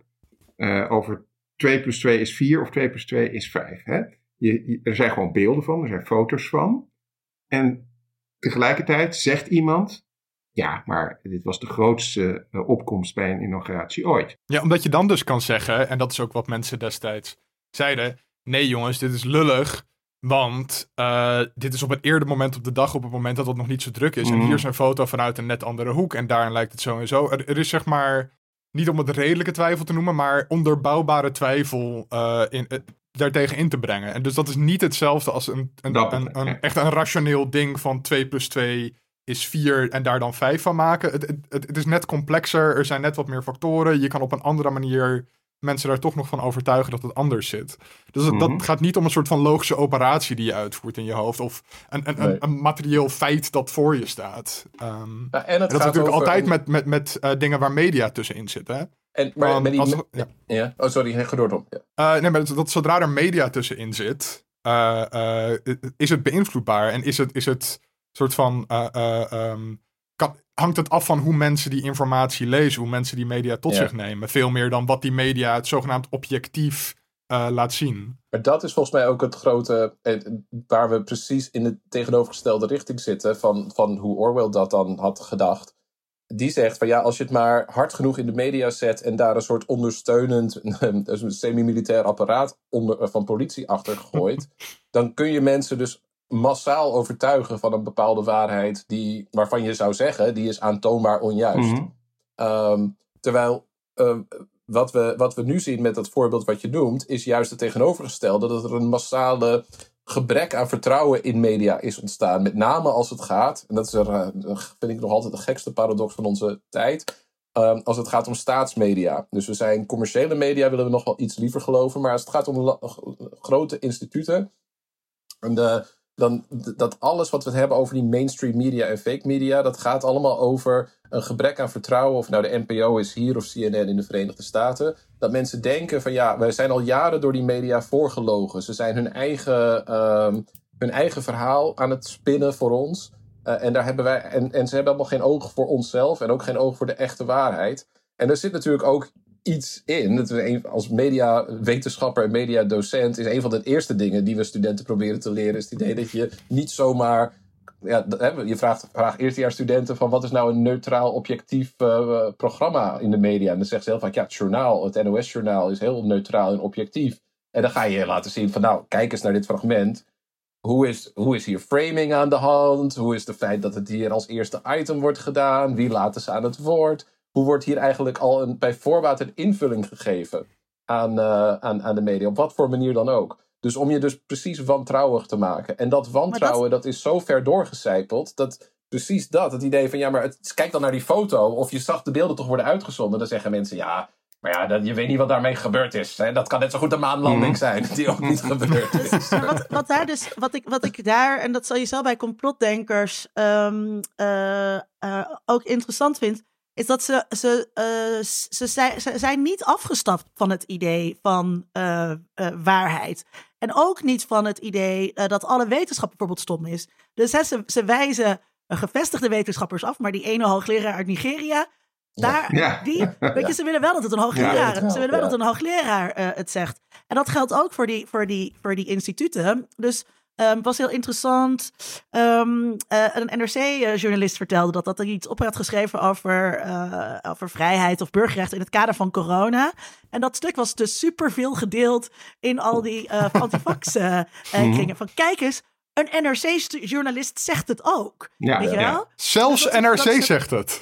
Dus dat betekent dat ze dus nog wel uh, nog steeds uh, binnen die kaders denken. Ze weten heus wel dat. Ja. Ja. Nog even uh, wat, wat Dan noemde net het voorbeeld. Hè? Eigenlijk uh, min of meer dus de vraag die je aan studenten stelt van... bestaat er wel zoiets als een, als een objectief medium? Als een, als een medium waarin je nou ja, ongefilterd de waarheid uh, te horen krijgt? Nou, het antwoord is denk ik nee. Uh, tenminste, ik hoop dat uh, de studenten van Dan uiteindelijk de conclusie trekken: het antwoord is nee. Maar, maar jij zegt ongefilterd. ja, is, dat kan dus niet. Media. Het is, precies, per definitie ja, media. Ja, ja. en dat brengt, dat brengt mij dus op het volgende uh, punt van een ander filter, wat er ook altijd overheen zit, is natuurlijk taal. Uh, hè, het voorbeeld van Dan, hè, de framing van het journaal, dat is dan om het, om het heel onaardig te zeggen. Maar het is nogal een verschil of je iemand een vrijheidsstrijder of een terrorist noemt. Hè, dat is het bekende standaardvoorbeeld ja. Mhm. natuurlijk. Um, en, en, en Orwell die heeft daar natuurlijk een heleboel over te zeggen over taal in 1984. Hè? De Newspeak en het feit dat hij uiteindelijk uh, de, de, de, de INSOC um, nou ja, als, op, als een soort doel geeft om een nieuwe taal te maken waar met zo min mogelijk woorden zo duidelijk mogelijk gezegd kan worden wat er uh, bedoeld wordt. Ja, dus als het bijvoorbeeld gaat over uh, uh, hoe moeten we non-binaire personen aanduiden in het mm -hmm. Nederlands of, in een, of in een andere taal, dan wordt er dus dan komen ze ook altijd met Orwell op de proppen. Ja. wat mm -hmm. dus ook niet klopt, want dat, is een, dit, dat, dat gaat over een uitbreiding van taal. Hè? We willen extra woorden, mm -hmm. nieuwe extra ja. woorden. Terwijl uh, uh, Newspeak is, een, is, is het reduceren, is het extre extreme reductie uh, van de vocabulaire, zodat je niet meer kunt denken. dus ja, dat vind ik ook heel grappig. Ik vind, voor mij is dat het een van die onderdelen van het boek waar ik toch een beetje, ja, altijd een beetje op moet lachen, omdat ik vind dat het, het is ook wel een soort, wederom, een beetje zagrijnige witte man van middelbare leeftijd die zich dus stoort aan verandering. En die is heel, hmm. hij is heel erg van ach, de jeugd van tegenwoordig. En op basis van een. Uh, uh, hij, ziet, hij ziet, weet je wel, hij ziet ja, jongeren nieuwe vormen voor taal ontwikkelen. Hij ziet media snel veranderen. Hij ziet grote veranderingen in de samenleving. En op basis van een. Uh, nou ja, toch wat beperkt beeld van de politieke waarheid op dat moment in de Sovjet-Unie. En er is op, op, geen enkele manier om het Stalinisme ook enigszins goed te praten of zoiets. Maar um, zijn Geef idee maar was... toe, je wordt was betaald om dat wel te doen. Oh ja, dat is waar. Nou, dan zal ik toch even wat goed gaan praten. Maar, maar dat... Um, uh, het, het rare is dat ons beeld van Rusland in die tijd, of de Sovjet-Unie in die tijd, heel erg gevormd is door precies Orwell en zijn idee daarvan. En hoe, mm. hoe totaal die, die, die, totalitaire systemen waren. En hoe, uh, nou ja, weerloos de, de bevolking eigenlijk nou ja, zou zijn in zijn verbeelding. Terwijl, ja, als je, eh, je, je hoeft er geen historicus of socioloog te zijn om te weten van nou, dat is niet hoe taal werkt. Taal wordt niet van bovenaf op, opgelegd. Taal is een sociaal proces dat met de mensen die dat gebruikt samen voortdurend vorm krijgt. En dan kun je wel proberen, zoals er op allerlei momenten, niet alleen in uh, Sovjetstaten, maar ook in onze westerse wereld geprobeerd is om te zeggen, ja, maar nu maken we deze afspraken, nu gaan we taal weer, gaan we de regels weer simplificeren, of we gaan kaas in plaats van C's gebruiken, want in het Nederlands is dat allemaal heel verwarrend. En heb je in de jaren zeventig ook nog wat pogingen gehad om daar de taal dan op een grappige manier te moderniseren. Um, maar dat is gewoon niet, uh, het, het, is niet hoe het werkt. En het geeft een heel, nou ja, en vaak echt voor een soort van libertarian-achtige mensen, een soort van hele simpele invulling van hoe, uh, van wat het communisme zou betekenen. En het idee dat je daarbij de grootste angst, en dat is altijd de grootste angst van dit soort geprivilegeerde witte mannen, dat ze hun uh, individualiteit kwijtraken. Weet je wel, dat zij niet meer alles mogen zeggen wat ze willen. Ja. Omdat hun, omdat, uh, en dat is natuurlijk je mag niks we... meer zeggen, Dan.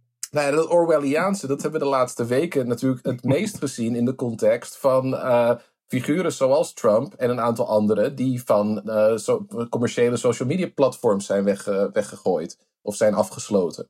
En dan zeggen mensen, ja, dit is Orwelliaans, dit is censuur. En dan staat Thierry Baudet te, te, te op en neer te springen van we gaan een anti-censuurwet of zo. En dan heb je niet alleen Orwell niet begrepen, maar je hebt ook gewoon de, de, de meest basale definitie van de term censuur niet begrepen. Want daar gaat het natuurlijk helemaal niet om. Um, het gaat er gewoon om dat wij, en dat is ook niet echt nou ja, een, een fantastisch uh, proces geweest, maar, uh, of het proces wat we misschien willen, maar dat commerciële social media bedrijven ontzettend veel macht hebben gekregen over de platforms waarop wij communiceren. En dat die daar standaarden aan verbinden waarvan ze zeggen, ja, je mag dat voor niks doen, maar dan moet je je wel aan deze regels houden. En dat ze dus af en toe gedwongen zijn om het ook tegen mensen in uh, hele nou ja, zichtbare posities te zeggen, ja, nou, toch gelden die regels uiteindelijk ook een beetje voor jou. Dus dat is dat is natuurlijk ook weer zo'n plek waar nou ja, precies die, dat idee dat onbeperkte, absolute vrijheid van meningsuiting het enige uh, element is wat uiteindelijk vrij, ja, het hoogste doel en de grootste mate van uh, grootste indicatie van vrijheid met zich mee zou brengen. Ja, Kunnen we het hier even hebben over, um, over de proles? Um, ja, om... ja maar, voor, voordat je ja. dat doet, uh, Linda, want dat wilde ik toch nog even inbrengen, want anders komen we er misschien niet meer op. Maar uh, we hebben het natuurlijk in onze podcast. Jij bent de baas van het draaiboek. Dus nou, dat, dit, is een, uh, dit is een democratie hier in uh, Inkzok. Um, ik word gecensureerd! maar toch even, even Foucault nog benoemen. Want we hebben ja. het daar regelmatig natuurlijk over, over in, in onze podcast. Linda is een groot uh, Foucault-aanhanger, volgens, volgens eigen zeggen. Um, en ik, ik, ik zou het een beetje raar vinden als we nu naar het volgende onderwerp gaan, uh, terwijl we het nu over taal hebben, zonder Foucault benoemd uh, te hebben. Dus, ja, er zit natuurlijk wel iets in, in hoe Orwell taal begrijpt, dat een beetje lijkt op hoe Foucault en zijn discoursen en zo in elkaar zit. Van, in, in de taal zit wel een soort van uh, taal kan beperken hoe we over bepaalde manieren na kunnen, uh, kunnen denken. Van wat, wat überhaupt in aanmerking komt voor waar en niet waar zijn, is begrensd door een discours, een manier van spreken. En dat zie je natuurlijk wel, dat als, op het moment dat, dat het, gaat niet alleen maar om taal inperken, maar ook om woorden te herdefiniëren, soort van subtiel. En bij Orwell, of in, bij Orwell gaat het dan vanuit een staat. En vanuit Foucault is dat veel meer een soort diffuus proces dat vanuit allerlei kanten kan komen. Maar wel uh, vanuit um, machthebbers. Of, uh, waarbij machthebbers dan niet per se uh, een gecentraliseerde staat hoeven te zijn, maar nee. wel um, mensen met, um, met macht. Ja. ja, macht zelf bijna. ja, ja macht. Dat, ja. de, de instituten van macht is volgens mij. Waar het is niet eens echt de personen, maar mensen die binnen instituten zijn Zoals uh, regeringen, maar universiteiten, uh, uh, nou ja, rechters en, en advocaten, nou ja, ziekenhuizen, al dat soort, oh ja, allemaal plekken die eigenlijk werken als een gevangenis. Allemaal zijn die opgericht als een gevangenis. Zo gebruikelijk wordt ingeschreven en er wordt bijgehouden wie je bent en je hebt een dossier en alles en dat is meteen oproepbaar. En die instituten, daar, nou ja, zodra je in zo'n instituut komt, dan moet je dus snappen wat de regels zijn en wat het toepasselijke taalgebruik is. Zoals we onze studenten ook wel moeten uitleggen. Jij zegt de wetenschapper, mag ik even iets, uh, iets tussenin gooien? Dat vond ik echt hilarisch. Namelijk in dat Goldstein boekje, uh, wat hij dus mm -hmm. aan het lezen is, dan wordt er ook opgeschreven dat er dus geen echte wetenschappers meer bestaan. Alleen nog maar psychologen en beta mensen. En daar moest ik heel hard om lachen.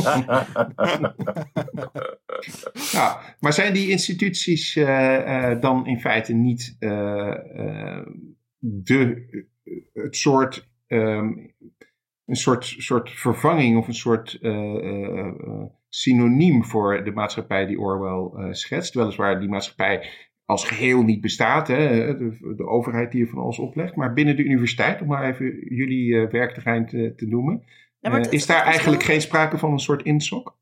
Nee, maar het, verschil is dus dat, uh, dat, dat bij Orwell alles dus zo centralistisch uh, en intentioneel gebeurt. Ja. En uh, dat is niet hoe, hoe, hoe Foucault of, of de andere poststructuralisten kijken naar hoe macht uitgeoefend wordt. Nee, voor, het, het kan niet anders dan dat dit gebeurt. Het, het, het, het kan mhm. niet anders dat, dat macht zich, dat tenminste niet per se dat macht zich centraliseert, maar dat um, mensen in posities van autoriteit, instituten met een bepaalde autoriteit, die hebben hun eigen soort van zwaartekracht binnen een maatschappij en doen daardoor uh, dingen met taal en, en leggen daarmee bepaalde normen op die andere mensen uh, dan be ofwel bewust ofwel onbewust uh, gaan volgen. Ja, het, ja, dat is wel echt anders dan dat opleggen. Ja, het gaat echt om een, veel meer om een mentaliteit en een organisatiestructuur dan om, het, om de, ja, die, die machtsvorm. Hij zegt dat groot volgens mij in grote lijnen zegt hij, vroeger was het juist top-down. Dan had je een koning en die koning die kon gewoon willekeurig beschikken. En die kon dus zeggen, ik geef jou gratie of uh, ik hak je in stukken. En dat was totaal af, afhankelijk van, uh, van zijn grillen. Um, en nu hebben we te maken met wat hij En hij deed dat publiekelijk. Hij en publiekelijk, precies. Zodat ja. iedereen de straf kon zien. En, ah, um, discipline and punish. Uh, maar, iedereen, maar in wezen was je daarmee veel vrijer, is zijn punt. In de pre-moderne tijd. Want je had niet echt een naam en je stond niet in een register. En je kon, tenzij de koning toevallig jou ging vieren delen om, uh, om een willekeurige reden, uh, had je niet zoveel uh, te vrezen. Um, en, en, de buitenpest niet kreeg. Nou ja, goed. Um, maar in de mo modern, volgens mij is voor hem gaat de moderne tijd om een mentaliteit die hij noemt gouvernementalité. Dat is een fijn neologisme van Foucault governmentality. En het idee dat we allemaal dus leven met een geïnternaliseerde overheidsmentaliteit. Dus dat zodra we ergens aan binnenkomen, of het nou een supermarkt is, of een uh, fabriek, of een school, of een ziekenhuis, een Zoom-meeting, dat we meteen proberen te snappen, oh, wat is, wat is hier de organisatiestructuur? Wat voor rol ligt daar dus voor mij? En dat is niet een rol die jij mag uitvinden, dus gewoon een rol die jij moet snappen. Dus als je als stagiair bijvoorbeeld ergens binnenkomt, nou ja, dan heb je dus die mentaliteit al. En dan moet je, daar, je, je, moet je daarin schikken. En er is geen plaats die daar buiten nog bestaat. Dus voor Foucault, there is no outsider. Alles, alles is, onze hele samenleving is dus bepaald door die manier van denken. En als je dus helemaal niet uh, daarin mee wil gaan, dus je daartegen blijft verzetten, dan word je gewoon, nou ja, uh, dwangmatig in een van die instituten gestopt, in een, nou ja, in, een, in een gesticht of in een gevangenis of zoiets, om dan maar met harde hand onderdeel te worden van zo'n governmentality van zo'n instituut. Mhm. dat is ja, dus hier moeten we het even hebben over, uh, over het panopticum. Mhm. En um, uh, waar, waardoor Foucault ook veel in verband gebracht wordt met 1984. Dus Winston voelt zich bekeken vanuit zijn televisie. het idee van het panopticum is een gevangenis een ronde gevangenis waarbij er een bewaker in het midden is die eigenlijk bij iedereen kan kijken, maar niemand weet wanneer er naar hem gekeken uh, wordt. Maar omdat je weet dat je bekeken kunt worden, ga je je eigen gedrag disciplineren. En uh, dat is bij Foucault heel, heel belangrijk. Dat, die, die, dat disciplineren van het, van, uh, van het zelf, wat je, wat je met jezelf doet. Um, en um, en, en dat, dat is natuurlijk iets wat, wat wij in onze samenleving doen. En dat is ook wat Winston doet. Behalve dan dat daar uh, daadwerkelijk. Ja, weet hij. Ja, hij weet dat ja, hij weet kan dat hij worden. wordt. Ja. Ja. ja. Maar wat jullie worden. Er is ook, hij, op een gegeven moment is hij een soort gymoefening aan het doen. En hij doet niet zo goed mee. En dan uh, begint de tv, dus, want die kan dus, die schakelt de hele tijd heen en weer tussen willekeurige telescreens die hij dus uh, kijkt. En die roept hem ook specifiek aan van, hé hey, jij daar, harder, beter je best doen, dieper bukken. Kom op nou, Terwijl natuurlijk, ja, eh, wij weten van uh, Panopticon werkt niet wezenlijk op die manier. Ehm, eh, want in onze panoptische samenleving kun je, ja, als je onderuit op de bank wil zitten, dan ga je gewoon naar een ander kanaal en dan gedraag je je zoals daarbij hoort. Dus dat, het, het is, er, zijn, er is niet één norm die voor iedereen geldt. Nee. Juist die institutionalisering betekent dat er een hele grote verscheidenheid aan discoursen en normen bestaat, maar dat we allemaal ons toch dus gedragen alsof wij bekeken worden door iets of iemand wat ons beoordeelt. Maar de, Hm. de, Maar jullie de zeggen- waarop je beoordeeld wordt is heel verschillend. Maar jullie zeggen dus in feite dat, dat, dat niet alles aangestuurd wordt door Soros. Eh, Nou, dat wordt- nou- natuurlijk. Nou. Wij dat zeggen we nog niet, om eh. deze desinformatie te verspreiden. Precies, ja. Zit niet, wil Nou, je nog wel je salaris krijgen van hem of, eh, of wat? ja, nee, ik heb het net gestort gekregen, dus ik, ik mag weer. De proles, daar had Linda het al over. Eh, Nou ja, is daar, ik, daar wil ik het even over hebben, omdat eh, hij komt daar wel een beetje makkelijk weg mee. Proletariaat, hè, dat is het eigenlijk. Ehm, er is er, er, die, je hebt de partij, eh, de binnenste eh, kant en de buitenste kant. Ik moet nu aan schaamlippen denken, dat is beroepsdeformatie. Ehm, en ehm, eh, het, het is, ik weet niet meer, een kwart van de bevolking, geloof ik, die, die daartoe behoort. En de rest zijn die proles. En die proles die mogen blijkbaar veel meer. Die mogen bier drinken en die mogen naar Ja. de pub en die mogen seks hebben eh, en al die dingen. Het is ontzettend klassicistisch. Mhm. Sowieso is het boek eng seksistisch. en Ja. ook best wel naar racistisch. Maar vooral dat Mhm. seksisme, oké, daar, daar moest ik wel even... Ehm, maar... eh, en Winston heeft dan wel ook een, een hoop of zo van, weet je wel, het zal met die proles moeten komen, maar dat wordt dan ook weer eh, de nek omgeleid. Maar eh, ja, daar komt hij wat, ma- wat makkelijk mee weg. Toch? Dat je gewoon, en wat hij, hij zegt, eh, het is een beetje als in de serie Bridgerton. eh, waar dan op een gegeven moment gaan ze ook op, gaan ze kijken naar de arme mensen. dat is echt hilarisch. Dus- Dus in Bridgerton is alles altijd mooi weer en iedereen draagt een roze jurk en zo. Dan gaan ze dus naar een deel van de stad waar iedereen arm is. Maar dat is maar één scène. En dan gelukkig gaan we daar weer terug naar de mooie jurk en het mooie weer. Maar dat heb ik hier ook een beetje het gevoel van. Het is totaal niet uitgewerkt wat die proles nou precies doen. Uitgehongerd zijn en, en fabriekswerk. Nee, ik schrik altijd als ik op dat punt in het boek kom waarin hij inderdaad tussen neus en lippen door zegt. Oh ja, en de meeste mensen in het land zijn eigenlijk dus gewoon de proles. Dat is gewoon het gepeupel. En eh, ja, die hebben geen, eh, die, die hebben geen Die doen er niet toe. Ja. Die, die denken niet, die weten niet, die bestaan gewoon. En die bestaan gewoon op een hele andere orde dan, dan wij, de echte Ja, een dierlijk bestaan mannen. bijna. Ja, en dat, ehm, eh, en dat is natuurlijk een soort. Ik moest dan, toen ik het laatst herlas, ik moest denken aan die quote van. eh, nou ja, als we toch een jaren dertig socialisten bezig zijn, an- van Antonio Gramsci, die zei. Van, ja, die, die was van de week jarig, en die zei nog van. ehm, eh, elk, nou ja, hij zei dan elke man, maar hij bedoelde elke mens is een intellectueel. Alleen de meesten worden niet op die manier. ehm, die, die, worden, die krijgen daar niet de credits voor, om het maar even te parafraseren. En dat is, eh, dat, dan denk ik van ja, dat is echt de echte ruimhartigheid van een goede socialist. Die snapt, die snapt dat het, het hebben van gedachten en een gedachtenwereld en ideeën en verlangens en ambitie, dat het niet iets is wat is voorbehouden aan eh, dat kleine groepje mensen, dat eh, een groepje mannen eigenlijk, dat dus zo is geboren dat ze naar chique scholen mogen gaan en dat ze vervolgens mee mogen praten in de media en erover mogen schrijven en daar dingen over mogen roepen. Maar dat dat iets is wat een, een universeel element van mens zijn is. En dat nadenken over wie je bent, ja, dat, er spelen allerlei elementen een rol, waaronder inkomen en educatie. Maar dat dat niet iets is wat alleen maar tot die groep behoort. En daar verraadt Orwell zich heel erg als een soort elitaire denker, inderdaad. Ehm, dat hij dat ziet als een soort, nou ja, en, en als, is, inderdaad, als een soort van jungle. Daar le- leven de mensen. En, en de manier waarop hij ze beschrijft is ook, ja, dus een scène waarin, waarin hij naar buiten aan het kijken is. En dan ziet hij zo'n washerwoman en die staat een oud lied te zingen.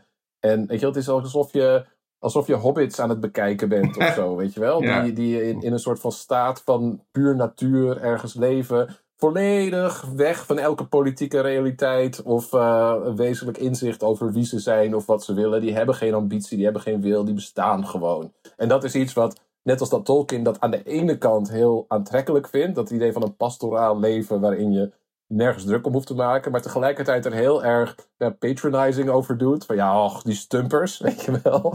Want zo kijkt hij ook een beetje naar de hobbits. Nou, zo ziet Orwell, in, zo laat hij zien dat hij eigenlijk zo denkt over het gewone volk. Ja, dat is ook wel een beetje wat hij in Down and Out in Paris en London, eh, zijn werk over Ja. Ja. Dat, dat hij het een tijdje geslampt heeft in Parijs en Londen. Eh, voor hem was dat altijd een keuze. Hij hoefde niet in Ja, armoede te leven, ja. want hij komt gewoon uit een goede middenklasse. Eh, Voor hem was, Dus voor hem was het voor echt- betaald. Hij mocht een, eh, een, een, een uitgebreide reportage gaan schrijven. En dan kreeg hij geld om dat voor. Hij, hij hoefde zich nooit zorgen te maken. Hij hoefde ook niet te vechten voor de vrijheid in Spanje. Hij vond het gewoon spannend om daar even naartoe te gaan. Omdat In is, het liedje Common People van Pulp zit de, dan gaat het ook over You Wanna Live Like Common People. En dan eh, zegt hij, if you called your dad, he could stop it all. Eh, Ja. En dat, en dat, eh, dat, dat is echt een manier ook om privilege te testen, Mhm. zeg maar. Hè? Kan je, eh, Ja. als, je, als je stuk zit, kan je dan je ouders bellen en die redden je. Nou ja, Ja, Arjan van Velen die eh, had daarvoor de Groene Amsterdammer voor hun Orwell, Orwell special van afgelopen maand. En daar ook een vrij smakeloos eh, stuk over geschreven. Ja. Dat hij dan dat ook gaat doen. Hij gaat er een nachtje in de dakloze opvang slapen. Maar dan met een essaybundel van Orwell onder zijn kussen. Ja. En daar dan lekker op reflecteren. Uh, heb dat eh, toch zo het- walgelijk. Het is echt niet Ik- oké. nou, nee, Hey, nou, als, we, als we toch Orwell, bash, Orwell bashes zijn, zullen we het ook, ook even over gender hebben dan? Misschien, Mhm. dat vind ik ook wel leuk. Ja, ja. ja, ik, nou was, ja, ik, dit- ik was dus echt, eh, ik zat echt een gast. Mhm. Kom op zeg. What the fuck? Laten we het even, even centraal houden, want eh, eh, dat, eh, Oh, gender, gender inderdaad. eh, er zitten natuurlijk een heleboel eh, momenten in waarin hij beschrijvingen geeft van vrouwen. Eh, Ofwel een proletarische vrouw waar hij eh, eh, tegen betaling seks mee heeft, ofwel een eh, meisje dat eh, tot die soort van middenklasse in dat eh eh, in die Partijgenoot. Partijgenoot eh, eh, behoort. Ehm, nou, waar die ook nogal wat opmerkelijke dingen, vind ik, eh, fantasieën zeg maar, op eh, nahoudt. En dan op een gegeven moment die scène ook eh, dat ze samen in een kamer zijn die ze gehuurd hebben, waarin zij zich dan als een echte vrouw aankleedt. Linda, jij hebt er volgens mij gedachten over. Oh ja, nee, hij, hij, hij, hij schrijft op een verschrikkelijke manier over vrouwen. Dus hij heeft het ook, als hij het dan over die proles heeft, dan schrijft hij op een gegeven moment dat ehm, eh, ze een, een korte periode van aantrekkelijkheid hebben. En daarin moeten ze dan de partner vinden. En daarna dan gaan ze dus gewoon baby's eh, uitpoepen. Eh, dus maar hij, dus hij, hij zegt eigenlijk gewoon, hè, dus vrouwen boven een bepaalde leeftijd zijn, onaan, zijn per definitie onaantrekkelijk. En dat, eh, eh, dus het gaat echt over, over eh, scho- schoonheid is heel erg gekoppeld aan, eh, aan, eh, aan vruchtbaar, aan hele jonge vruchtbaarheid. Ehm, ah, leuk, iemand breekt in in de Zoom meeting. Ehm, en eh, zie je, kijk, dat is zo, zo gaat dat tegenwoordig. Dat, dat dan vaders voor kinderen eh, zorgen. Eh, maar ja, hij haat vrouwen. Dat, is, dat blijkt uit het, uit het boek. Op meerdere Nou, en, punten. en het grappige is voor wie dan meteen zegt. Maar hij is toch helemaal verliefd op Julia? Dan, dan haat hij toch geen vrouwen? Dat is toch, hij houdt toch juist. Hij houdt toch juist van vrouwen? Of my best friends are women. Maar dat is.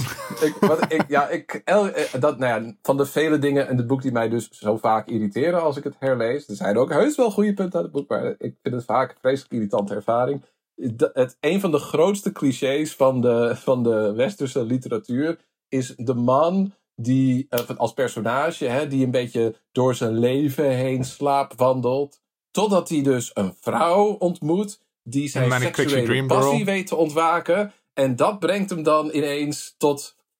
Ineens gaat hij over de politiek nadenken. Of hij krijgt inspiratie om zijn boek te schrijven. Of hij wil dus de revolutie aangaan. Maar die ehm, klassieke combinatie van een man die dus. van de vrouw die alleen maar de rol speelt van een man zijn verlangens ontwaken. En dat daar dus vervolgens een verhaal uitkomt. Nou, dat is dit, nou ja, uit en te na. En, En, dat, hij, eh, en hij wil haar ook, eh, hij, eh, aan het- helemaal aan het begin wil hij er eh, met een steen op haar hoofd slaan. Ja. ja, er zit enorm veel echt soort van... nou ja, Sadomasochistische. ja, ja, en, en hij- en, hij- en op, om wonderbaarlijke redenen, die dus niet uitgediept worden, eh, valt deze vrouw op hem. ja, Eh, Ja.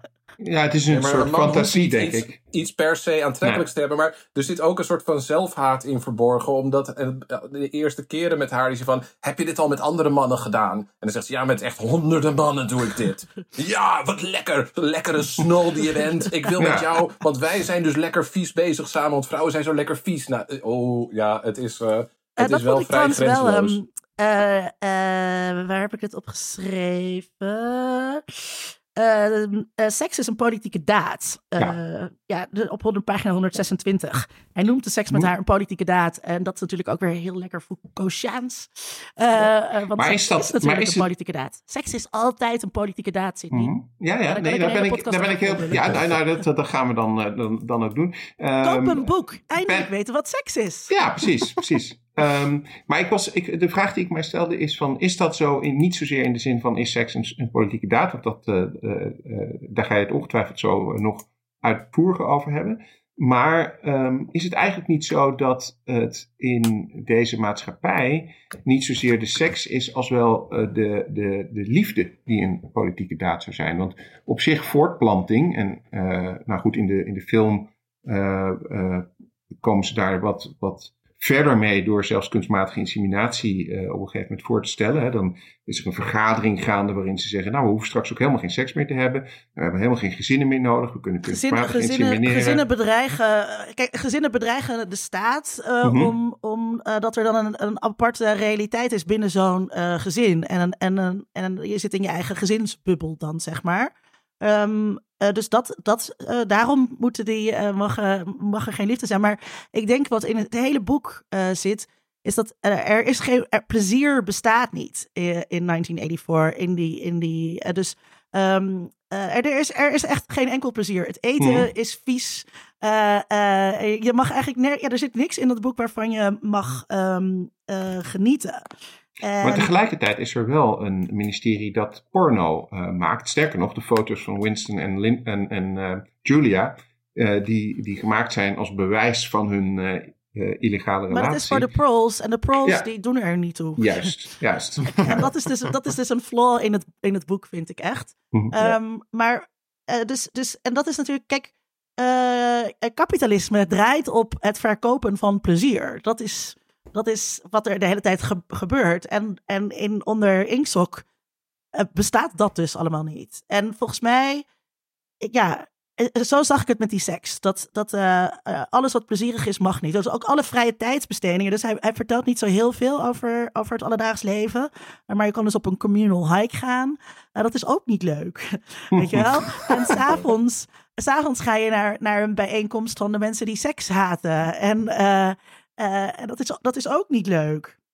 Publieke hangings, dat is de vorm van, van vermaak. Ook niet leuk. Nou ja, Wat? het ligt eraan. Het ligt eraan. Voor, voor, voor sommigen kennelijk wel. Eh, Eh, ik, Ik wil ik even ben- een lans breken voor de ik fans van publieke executies. Ja, precies. Ja, nee, ja, ja. Ehm, maar ehm, hoe, hoe, hoe eh, wordt dat verbeeld? Want dan gaan we toch even naar de, de film. We hebben het nu heel lang al over het boek eh, en indirect over de film. Maar we hebben natuurlijk ook de film eh, gekeken. Hoe wordt het eh, verbeeld? Hoe wordt deze maatschappij, deze samenleving in beeld gebracht? En wat vinden we daarvan? Vinden we dat passen bij het beeld wat we hadden van het boek? Of vinden we juist dat het helemaal verkeerd eh, gaat? Maar de film, de film legt eh, wat meer nadruk op die seks. Mhm. En eh, dus ook dat Eurythmics liedje eh, Sex Crime. Dus dit- dat staat veel centraler eh, in de film dan in het boek.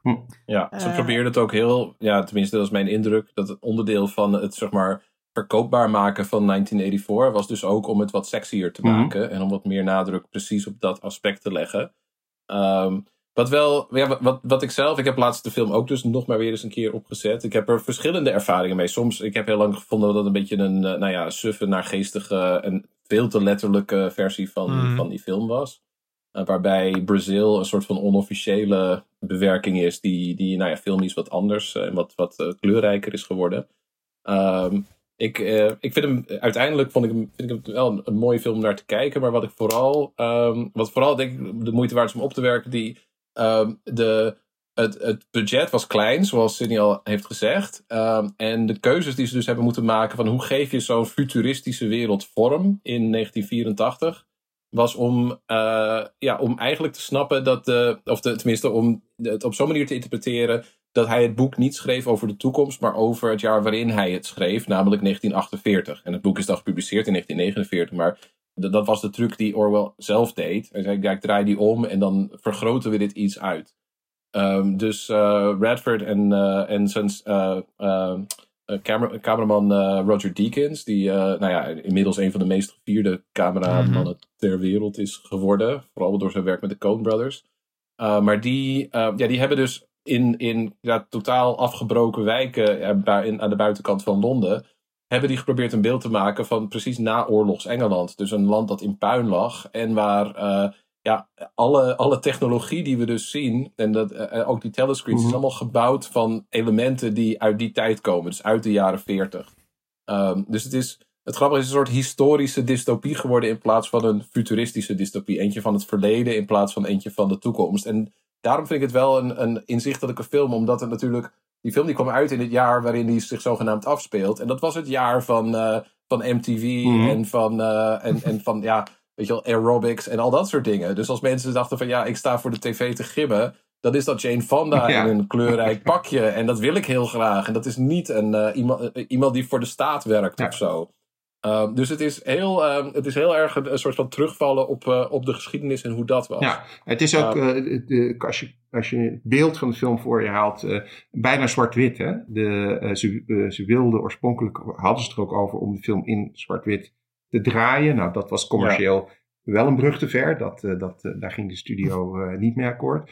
Maar ze hebben dus wel een techniek toegepast waardoor de kleur heel erg verbleekt uh, wordt. Ja. En, uh, ja, het is het flashen van het negatief. Ja. Dat hebben ze ook uh, is, is met, in de jaren zeventig met een aantal films van Robert Altman hebben ze dat gedaan. En dat, ja, dat trekt de kleur er wezenlijk uit. Dus de, Ja, het zodat is- de, de zilverlaag in het celluloid uh, de, de overhand krijgt. Het is echt, de film is echt heel koud. Mhm. Uh, Ja. En uh, qua koude, koude kleuren dus ook. En maar daardoor, ehm, ja, die, die film is heel koud. En ik was echt nul uh, invested in die personages. Uh, waardoor ehm, uh, het, het een beetje saai ook werd. Hmm. Terwijl Ik ik, had- ik het ja. boek met heel veel, uh, dat vond ik juist heel fijn om te lezen.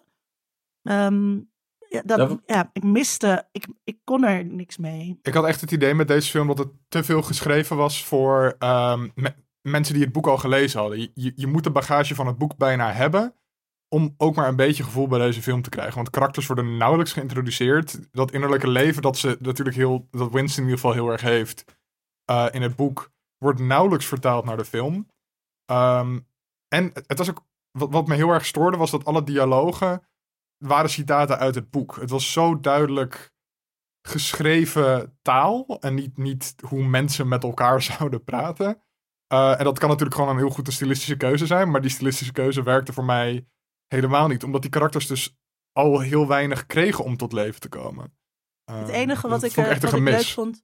Het enige wat ik leuk vond was de manier waarop die, eh, eh, het kantoor was, eh, was verbeeld. Daar, Hmm. Dat vond ik heel aardig gedaan. Ja. maar Nou, en ik vond de, de manier waarop de, de film eigenlijk opent, en dat komt een aantal keer terug, maar de scènes waar ze dus, een paar scènes waar ze een hele hoop figuranten voor hadden, die uh, voor, een, nou ja, voor, voor een propagandascherm staan. En dat, nou ja, dat panoptische, dat zit daar ook heel erg in. Dat idee dat zij allemaal weten van ja, ik word, ik word nu bekeken en beoordeeld op hoe gepassioneerd ik meeschreeuw en hoe hard ik mijn haat uit en dat soort dingen. En daar vond ik dan dus, ja, dan leven we in dit soort gefragmentariseerde en gepolariseerde tijden van allerlei digitale mediaplatforms en weet ik veel allemaal. Maar als je kijkt naar hoe dat, uh, hoe dat gaat, hoe dat gaat bij een Trump-rally bijvoorbeeld, en hoe mensen daar met z'n allen, weet je wel, lock her up en uh, build the wall en dat soort dingen staan te roepen. En zich dus heel graag juist willen laten meeslepen door dat soort nou ja, fascistische uh, demagogerie. en dat zit, nou ja, dat komt elke keer wel hard binnen dat ik die film opzet. Sinds, sinds 2015 in ieder geval. Dat je dat dus in levende lijven ziet gebeuren. Je ziet dat er nou ja, totale desinformatie en propaganda vanaf dat podium wordt gespuit. Vaak samen met allerlei, nou ja, met of het nou YMCA is van de Village People of iets anders. Maar met opruiende, lekkere uh, dingen die, die goed vallen bij dat publiek. En dat het publiek ja, het super leuk vindt om net als bij een popconcert knetterhard mee te gillen en te roepen. Uh, en dat heeft iets ontzettend angstigs. En dat Mhm. is iets wat die film heel goed, volgens mij heel effectief ook weet uh, te brengen. En wat dus als openingsscène ook ontzettend nou ja, een, een goede toon zet. Ja. Eén ander Maar ding ook- wat ik maar dus... ook Heel erg um, op, het, op het fascisme Ja, uh, gestoeld. Dus je, je, je Ja, hè, Orwell zeker. uh, 1948 had dat natuurlijk uh, uh, allemaal ook uh, uh, zien gebeuren. En voor mij um, uh, uh, Ik heb ja, dus dit, dat, dit is ook hoe je denkt dat de nazi's het deden, zeg maar. Dat, Ja. Het sluit dus ook aan bij een concept wat je al hebt van fascisme. Nou, jij wilde nog Ik denk dat daar ook een, een slimme set van de makers is geweest om te zeggen van ja, het is, ehm, het is niet meer, weet je wel, we gaan het niet meer alleen maar op basis van ideeën over de Sovjet-Unie en Koude Oorlog doen, maar we gaan juist inhaken op die Tweede Wereldoorlog geschiedenis en laten zien van ja, als het fascisme helemaal doorloopt, ja, dan, dan, dan is dit wat je krijgt. Dus het is meer een verlengstuk van fascistische ideologie dan per se van eh, de pogingen om communistische staten op te bouwen. Eh, waar dit verder, nou ja, alleen maar zijdelings bij betrokken Ik vind dat ook wel in 1984 voelt het ook wel meer. Ik bedoel, Orwell kijkt duidelijk zowel naar de Sovjet-Unie als naar Nazi-Duitsland. maar die omkering van Ingsoc die hij eh, beschrijft van... Ja, eerst was er een socialisme dat nog wel een verheffingsideaal had. Eh, maar nu is het gewoon een boot stamping on the human face forever. Mhm. Ehm, dat, dat is natuurlijk ook wat, wat fascisme doet met de nationaal socialisme. En, en Mussolini die vanuit zijn socialistische traditie komt en dat dan elementen daarvan om begint te draaien. eh, ehm, en en dat, dat, dat fascisme dus dus eigenlijk nog half in een soort van socialistische retoriek gestoeld is. Ja, maar er zit dus een enorme historische denkfout in, die heel veel eh nou ja, libertijnse en rechtse eh, Orwell-aanhangers dus heel graag maken. Dat idee dat, dat nationaal socialisme, dat dat voortkwam uit Socialisme. Net als dat, dat Ingsoc voortkomt uit socialisme. Terwijl de enige reden, zoals nou ja, iedereen die ooit een geschiedenisboek heeft gelezen, je kan vertellen. De enige reden dat de nazi's zichzelf nationaal socialisten noemen, noemden, was omdat zij een, raakvlak, een draagvlak probeerden te creëren bij de arbeiders. En die dachten, socialisten die staan aan onze kant. En het eerste wat ze gingen doen was alle socialisten oppakken en doodschieten. Dus Ja. het is niet zo dat, dit, dat die zijn voortgekomen uit het socialisme. Maar mensen die Orwell lezen vanuit zo'n, nou ja, eigenlijk uiteindelijk rechtse of eh, eh, eh, eh, liberale bril. Die zeggen, ja zie je, dit is het, het, het, het, het socialisme dat leidt altijd tot Orwelliaanse Ja, ja. toestanden. En Mm. totalitaire, weet je wel, censuur die jou je, je, je, je individuele vrijheid afneemt. Dat is Ja. altijd waar het toe leidt. Maar dat doet de film Ja, dus maar dat is ook die, niet, eh, wat ik bedoel hoor. Dat is zo- zo'n Nee. invalshoek. eh, eh, ehm, maar het is meer dat dat natuurlijk, dus inderdaad dat, dat bewuste de omdraaien van bepaalde socialistische punten, of, of het vervormen ervan, het voor je eigen karretje spannen daarvan, dat, dat hij dat wel goed herkent aan fascisme.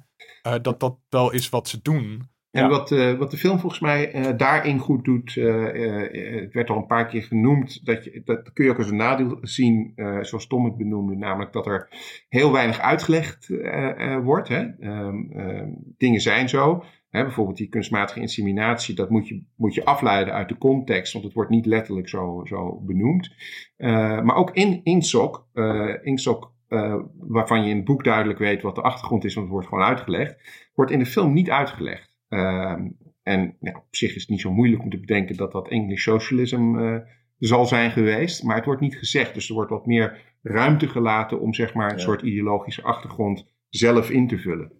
Maar dan zie je dus dat het in, uiteindelijk is het politiek best wel een reactionair boek. Het is, en, en dat is volgens mij ook. Ik, ik denk altijd van ja, het is een boek wat je. Nou ja, misschien niet zou moeten verbieden of zo. Eh, en en dat, dat middelbare scholieren dat dus ook als een soort van standaardwerk, dat die daarmee in aanraking komen. eh, dat, dat heeft allerlei. Ik denk dat ja, dat heeft, het, het kan mensen aanzetten om, om kritisch te gaan denken. Maar ik denk altijd, ja, als je, als je een Orwell quote, als een, een volwassen man een Orwell quote in zijn Twitter bio heeft, dan moet je echt oppassen. Weet je wel? Dan, dan, dan is het meestal iemand die dus zo'n soort vrijheid van meningsuiting fundamentalist is, die altijd zegt van ja, weet je, linkse. Ja, Links denken, dat leidt altijd tot dit, soort, eh, tot dit soort situaties, zoals Orwell het al zo fantastisch heeft beschreven. Maar het is, dus, het is dus heel evident dat al die mensen dat boek niet hebben gelezen. Zou- Dat, dat, Zouden ze wel Ja. moeten doen, want het is een goed boek. Eh, tenminste, vond ik. Eh, ehm, nog één ding eh, voordat we eh, dit eh, langzaam gaan afronden.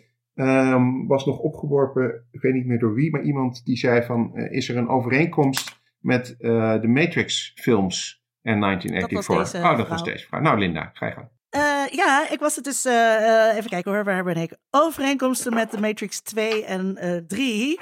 Ehm, Winston is a flaw in the pattern. En dan eh, zegt die O'Brien tegen hem: You are a stain that must be wiped out. en daar hoor je toch gewoon Smith praten. Eh, en ehm, en hè, dus de, de- die notie van de Brotherhood.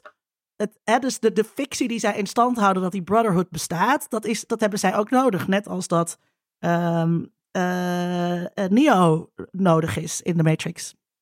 Hmm. Zagen jullie dit? Ben ik gek? Nee, volgens mij klopt dat. Maar is het, is het bij. Uh, in de Matrix is het natuurlijk zo dat ook al is die.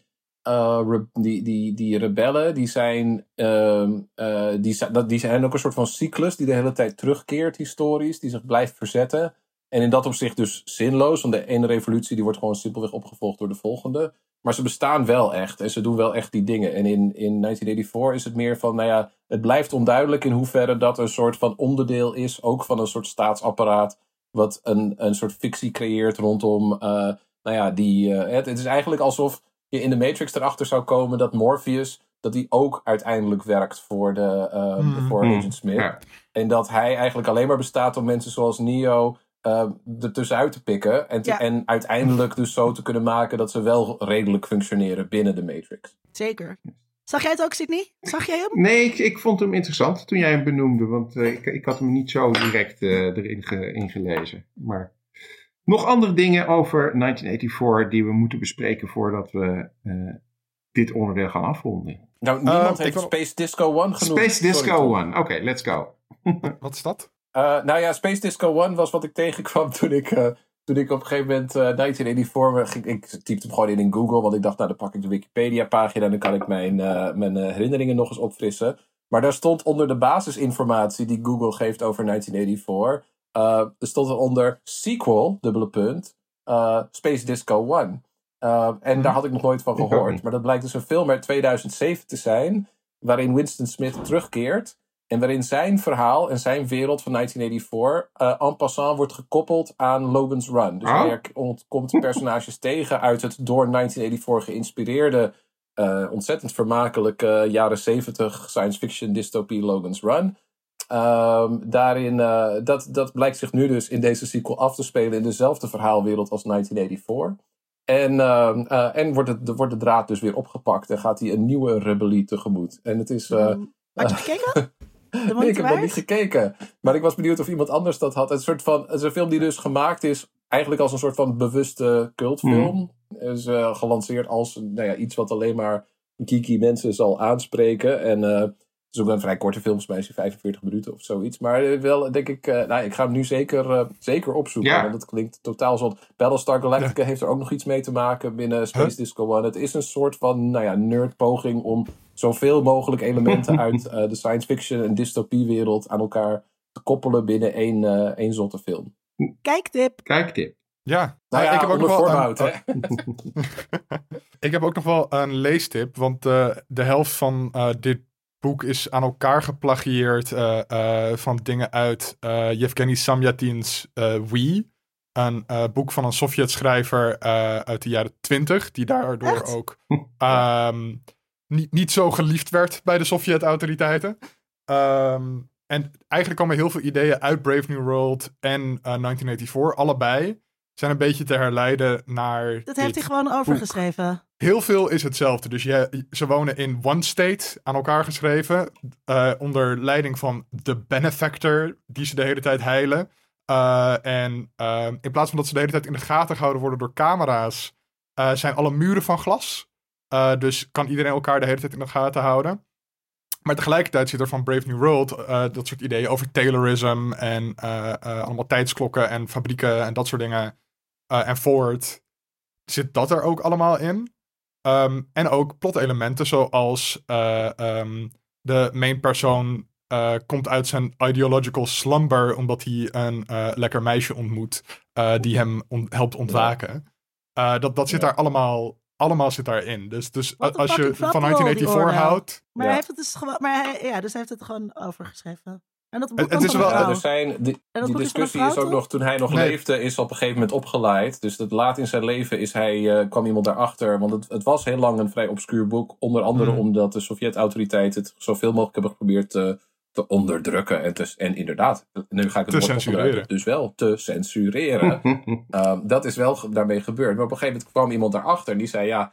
Uh, hoe zit dat, uh, meneer Orwell? En die zei, ja, nee, ik heb dat boek later wel eens een keer gezien. En in een ander gesprek heeft hij gezegd, nee, ik heb het wel inderdaad. Of hij zei eerst, dat kan, ik had het helemaal niet kunnen zien, want. En toen bleek dat niet waar te zijn. En toen, want het was wel al ook in vertaling uit.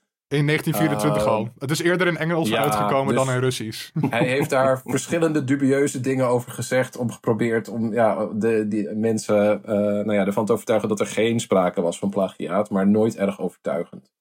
Ja. Uh, Goed nog steeds, er we zit dat echt zat originele ideeën in 1984. Dus het is Ja, echt niet één op één soort van overgenomen. Uh, maar het is wel heel duidelijk dat hij er wel, dat wel als een soort blauwdruk heeft gebruikt uh, voor zijn verhaal. Het is een heel goed boek. Ik ben hem nu aan het herlezen weer, uh, omdat ik ook maar Ja, het is 1984 gelezen ontzettend had. Ja. Uh, prachtig geschreven, echt een aanrader. Nou, dan eh, eindigen we eh, op deze. Mag Ik even... Mag, oh, eh, oh, sorry. Ga je gang. Nee, ik wou vragen of we even pauze konden nemen. Nou, ik wou, ik wou net zeggen dat we gingen, eh, dit, dit onderdeel dan maar gingen eindigen op deze iets wat treurige noot dat Orwell eigenlijk geen origineel idee in zijn hoofd had, eh, maar alles geplagieerd heeft. Eh eh, Dixit, eh, mediafilosoof eh, Tom Aalmos. In a world. In a world. World. World. World. In a world. Nou, we sluiten de aflevering zoals altijd weer af met waar we naar uitkijken, waar we zin in hebben, waar we ons op verheugen, ondanks avondklokken en lockdowns en Orwelliaanse toestanden. Wat eh, is hetgene dat jou het meeste kan bekoren, Dan, als jij eh, over de komende tijd nadenkt qua mediaconsumptie? Uh, mediaconsumptie. Ehm, het, eh, eh, Oké, twee dingen. En daar laat ik het ook echt bij. Het nieuwe seizoen van Better Call Saul, dat is seizoen 6. Dat komt eraan in februari. Mm -hmm. uh, daar verheug ik mij ontzettend op. Want dat vind ik. Dat, nee, dat vind ik niet. Dat is een van de beste series die. Eh, die, nou ja, gek genoeg is ontstaan als spin-off van iets anders wat ook best aardig was. Maar de Better staat toch in een hele andere dimensie inmiddels dan, eh, dan zelfs Breaking Bad. Dus daar verheug ik me heel erg op. En daar is de vraag van, ga, ga ik het... Altijd weer de vraag, gaat, gaat het dan lukken om het uit te stellen totdat je alles kunt binge-watchen? Of gaan we van week tot week weer meeleven met de avonturen van Saul Goodman en, en de rest van de, van de, van de crew? Mm -hmm. Slip and Jimmy. En Kim Wexler met name, want eigenlijk is het haar serie natuurlijk geworden in de de loop van die vijf seizoenen. Uh, daar verheug ik me heel erg op. En iets anders waar ik me ontzettend op verheug. Ik heb gisteren, dat is niet eens iets nieuws, maar gisteren had ik in de post de Blu-ray van David Burns' American Utopia. de verfilming door Spike Lee van zijn podium, van zijn Broadway show. Nou, dat was voor mij de beste film van het afgelopen jaar, van 2020. Um, en daar ga ik, uh, daar ga ik, nou ja, nou ja, ik heb hem al meerdere keren gezien, maar daar ga ik, heb ik gewoon weer een manier om hem te kijken. Maar niet zo. Die ga ik vanavond knetterhard opzetten. Uh, fantastische, nou ja, politieke muziek, muziek performance film. Uh, en helemaal mijn ding. Dus dat, is, dat, is, dat, zijn de, dat is ja, niet eens iets nieuws, maar daar verheug ik me gewoon vandaag heel erg op. Oké. Linda, waar kijk jij naar uit? Uh, naar niks. Het leven is kut. Het is allemaal verschrikkelijk. Ik kijk er naar uit dat deze kutzooi voorbij uh, is. Uh, maar ja, volgende dus ook, ja. 29 januari komt het nieuwe seizoen van Mokro Mafia. En dat, van die vorige heb ik heel erg genoten. Dus ik ben heel erg benieuwd hoe het verder gaat met mijn favoriete Mokro Mafia mensen. Dat is het enige? Meer in het leven is er niet. Oké, oké, oké. Nou, Tom. Ik moet bekennen dat ik echt gezocht heb naar dingen. Gewoon echt, ik heb gegoogeld naar series die uitkomen en naar films en... Ik weet het gewoon even niet, jongens. Ik, gewoon... ik ben gewoon heel veel aan het lezen nu en de games die ik nu aan het uh, uh, uh, spelen ben, zoals Control en Carry On, ga ik lekker doorspelen. Daar kijk ik heel erg naar uit. Maar ik heb op het moment even geen nieuwe series of films om, om, om naar uit te, kijken, uit te kijken nog. Oh. Sorry, luisteraar. Het leven is kut en uitzichtloos. Dat is gewoon hoe het is. Nou, ik begreep dat uh, Space Disco One, toch, uh, Dan? Dat dat misschien iets is om ja. te gaan uh, kijken. Dus, ja, gaan we allemaal opzoeken. Ja, die, gaan, we, die gaan we zoeken. Ehm, nou, zelf kijk ik wel uit naar een paar dingen. Um, eentje heb ik al eerder genoemd, dus die noem ik alleen nog maar even, omdat die nu echt uitkomt. Resident Alien met Alan Tudyk. Waarin hij een buitenaards wezen speelt die nou ja, de vermomming van een arts aanneemt in een klein dorpje vanaf 27 januari. Um, op Prime Video uh, verschijnt op 5 februari een film met de naam Bliss. En ehm, de hoofdrol wordt gespeeld, of worden gespeeld eigenlijk door Owen Wilson en uh, Selma Hayek. Owen Wilson! Precies. Owen Wilson, Owen Wilson, is op zich al een reden om te kijken. Uh, maar het is ook nog eens een keer een Truman Show-achtige film. Want uh, Owen Wilson komt erachter dat hij uh, um, een. een nou, Owen Wilson droomt over een, een onbekende vrouw die hij op een gegeven moment tegenkomt. En op het moment dat hij er tegenkomt, komt hij erachter dat hij eigenlijk niet over haar droomt, maar dat zij een soort van over hem droomt, omdat zij eigenlijk een omdat hij onderdeel is van een soort virtuele wereld die zij gecreëerd heeft. Nou, hoe het verder gaat, weet ik niet, maar het klinkt in ieder geval als een interessante setup. Dus daar... Orwelliaans. Orwelliaanse setup, inderdaad. Ja, precies. Um, leuk. dus daar heb ik wel zin in. En uh, de andere waar ik ook wel naar uitkijk uh, is um, Earwig and the Witch, oftewel Ayato Mayo, de nieuwe Ghibli, Ghibli film. Ghibli. Ja. Uh, hij is gemaakt, uh, geregisseerd door Goro Miyazaki, de zoon van uh, Miyazaki. En um, hij is uh, onlangs uitgekomen al op, op, op, filmfestivals en zo. Dus mensen hebben hem, sommige mensen hebben hem al kunnen zien. Zal misschien ook al wel op download staan, dat weet ik niet. Um, maar kort gezegd gaat het over een. Uh, het speelt zich af in de jaren 90 in Engeland. Het is ook voor de eerste keer een computeranimatie. Wat voor de echte Ghibli-fans een beetje een, uh, een shock uh, opleverde. En het gaat. Een scandalo. Een scandalo. En het gaat over een, een, een, meisje. Een, dat, uiteraard gaat het over een meisje. Hè, daar ging, gaan alle Ghibli-films zo'n beetje over. Um, die um, opgroeit als, uh, als wees, zonder dat ze weet dat ze eigenlijk een heks is. En daar komt ze achter en ja, dan ontspinnen zich natuurlijk allerlei avonturen. en die zou dus op 5 februari in ieder geval op HBO Max verschijnen, dus die zal dan ongetwijfeld ook ergens in de Nederlandse streamingdiensten opduiken. Dus daar kijk ik naar uit. Leuk. Nou, dat was hem dan alweer, want je luisterde naar de 69ste uh, over sexcrimes uh, gesproken. Uh, 69ste aflevering van Gigi Dingen. Dank aan Dan dat je er uh, deze keer weer was voor ons. Met, ja, met enig uitstel deze keer, maar uiteindelijk dus toch. Uiteindelijk dus toch en, en beter dan ja. ooit. Um, en ja. dank ook aan mijn medegeeks, uiteraard. zonder... Jij ook bedankt. Nou, graag, ja. graag gedaan, graag gedaan. mocht jij als luisteraar deze aflevering nou leuk vinden dan uh, kun je dat aan andere mensen vertellen. Je kunt bijvoorbeeld andere geeks attenderen op het feit dat wij uh, bestaan.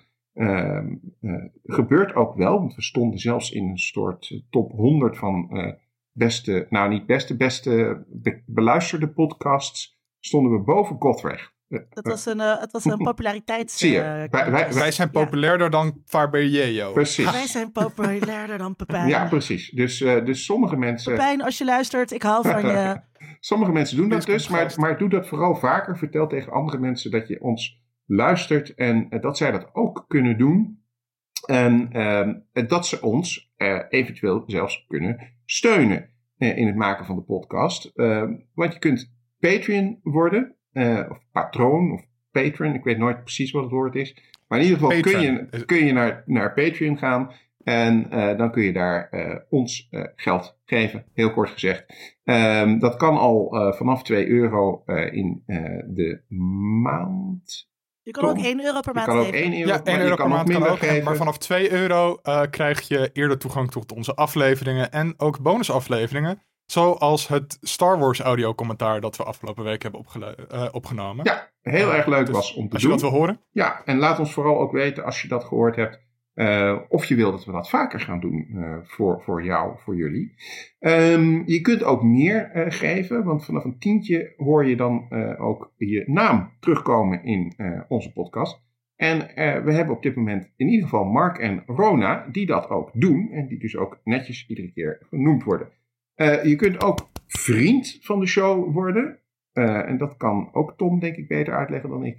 dat uh, kan vanaf 2,50 per maand. Dat bedrag betaal je dan gelijk voor over het hele jaar. En dan krijg je net als patrons die meer dan 2 euro of meer betalen... ook eerder toegang tot onze afleveringen en allemaal bonusdingen. Um, maar dan doe je het op een Nederlands platform en kan je met Ideal betalen. Nou, Vriendvandeshow.nl slash geekydingen. Kijk. Uh, en je kunt natuurlijk ook gewoon naar onze website gaan, geekydingen.nl. Je kunt ons allemaal volgen op uh, Twitter. Uh, Dan heeft zijn eigen Twitter, DanHF. Um, Linda en Tom en ik ook. Zoek ons op, spreek ons aan als je vragen hebt over deze aflevering of gewoon een leuk praatje wil maken. En um, de volgende keer gaan we het hebben over corona. Althans, we gaan het eigenlijk hebben over rampenfilms die te maken hebben met een virusuitbraak. Welke films, dat eh, gaan we je nog noemen. Uh, die komen op onze socials uh, te staan. Uh, en dan kun je zelf ook alvast het huiswerk gaan doen. Dus, tot de volgende keer. Dit was Kiki Dingen.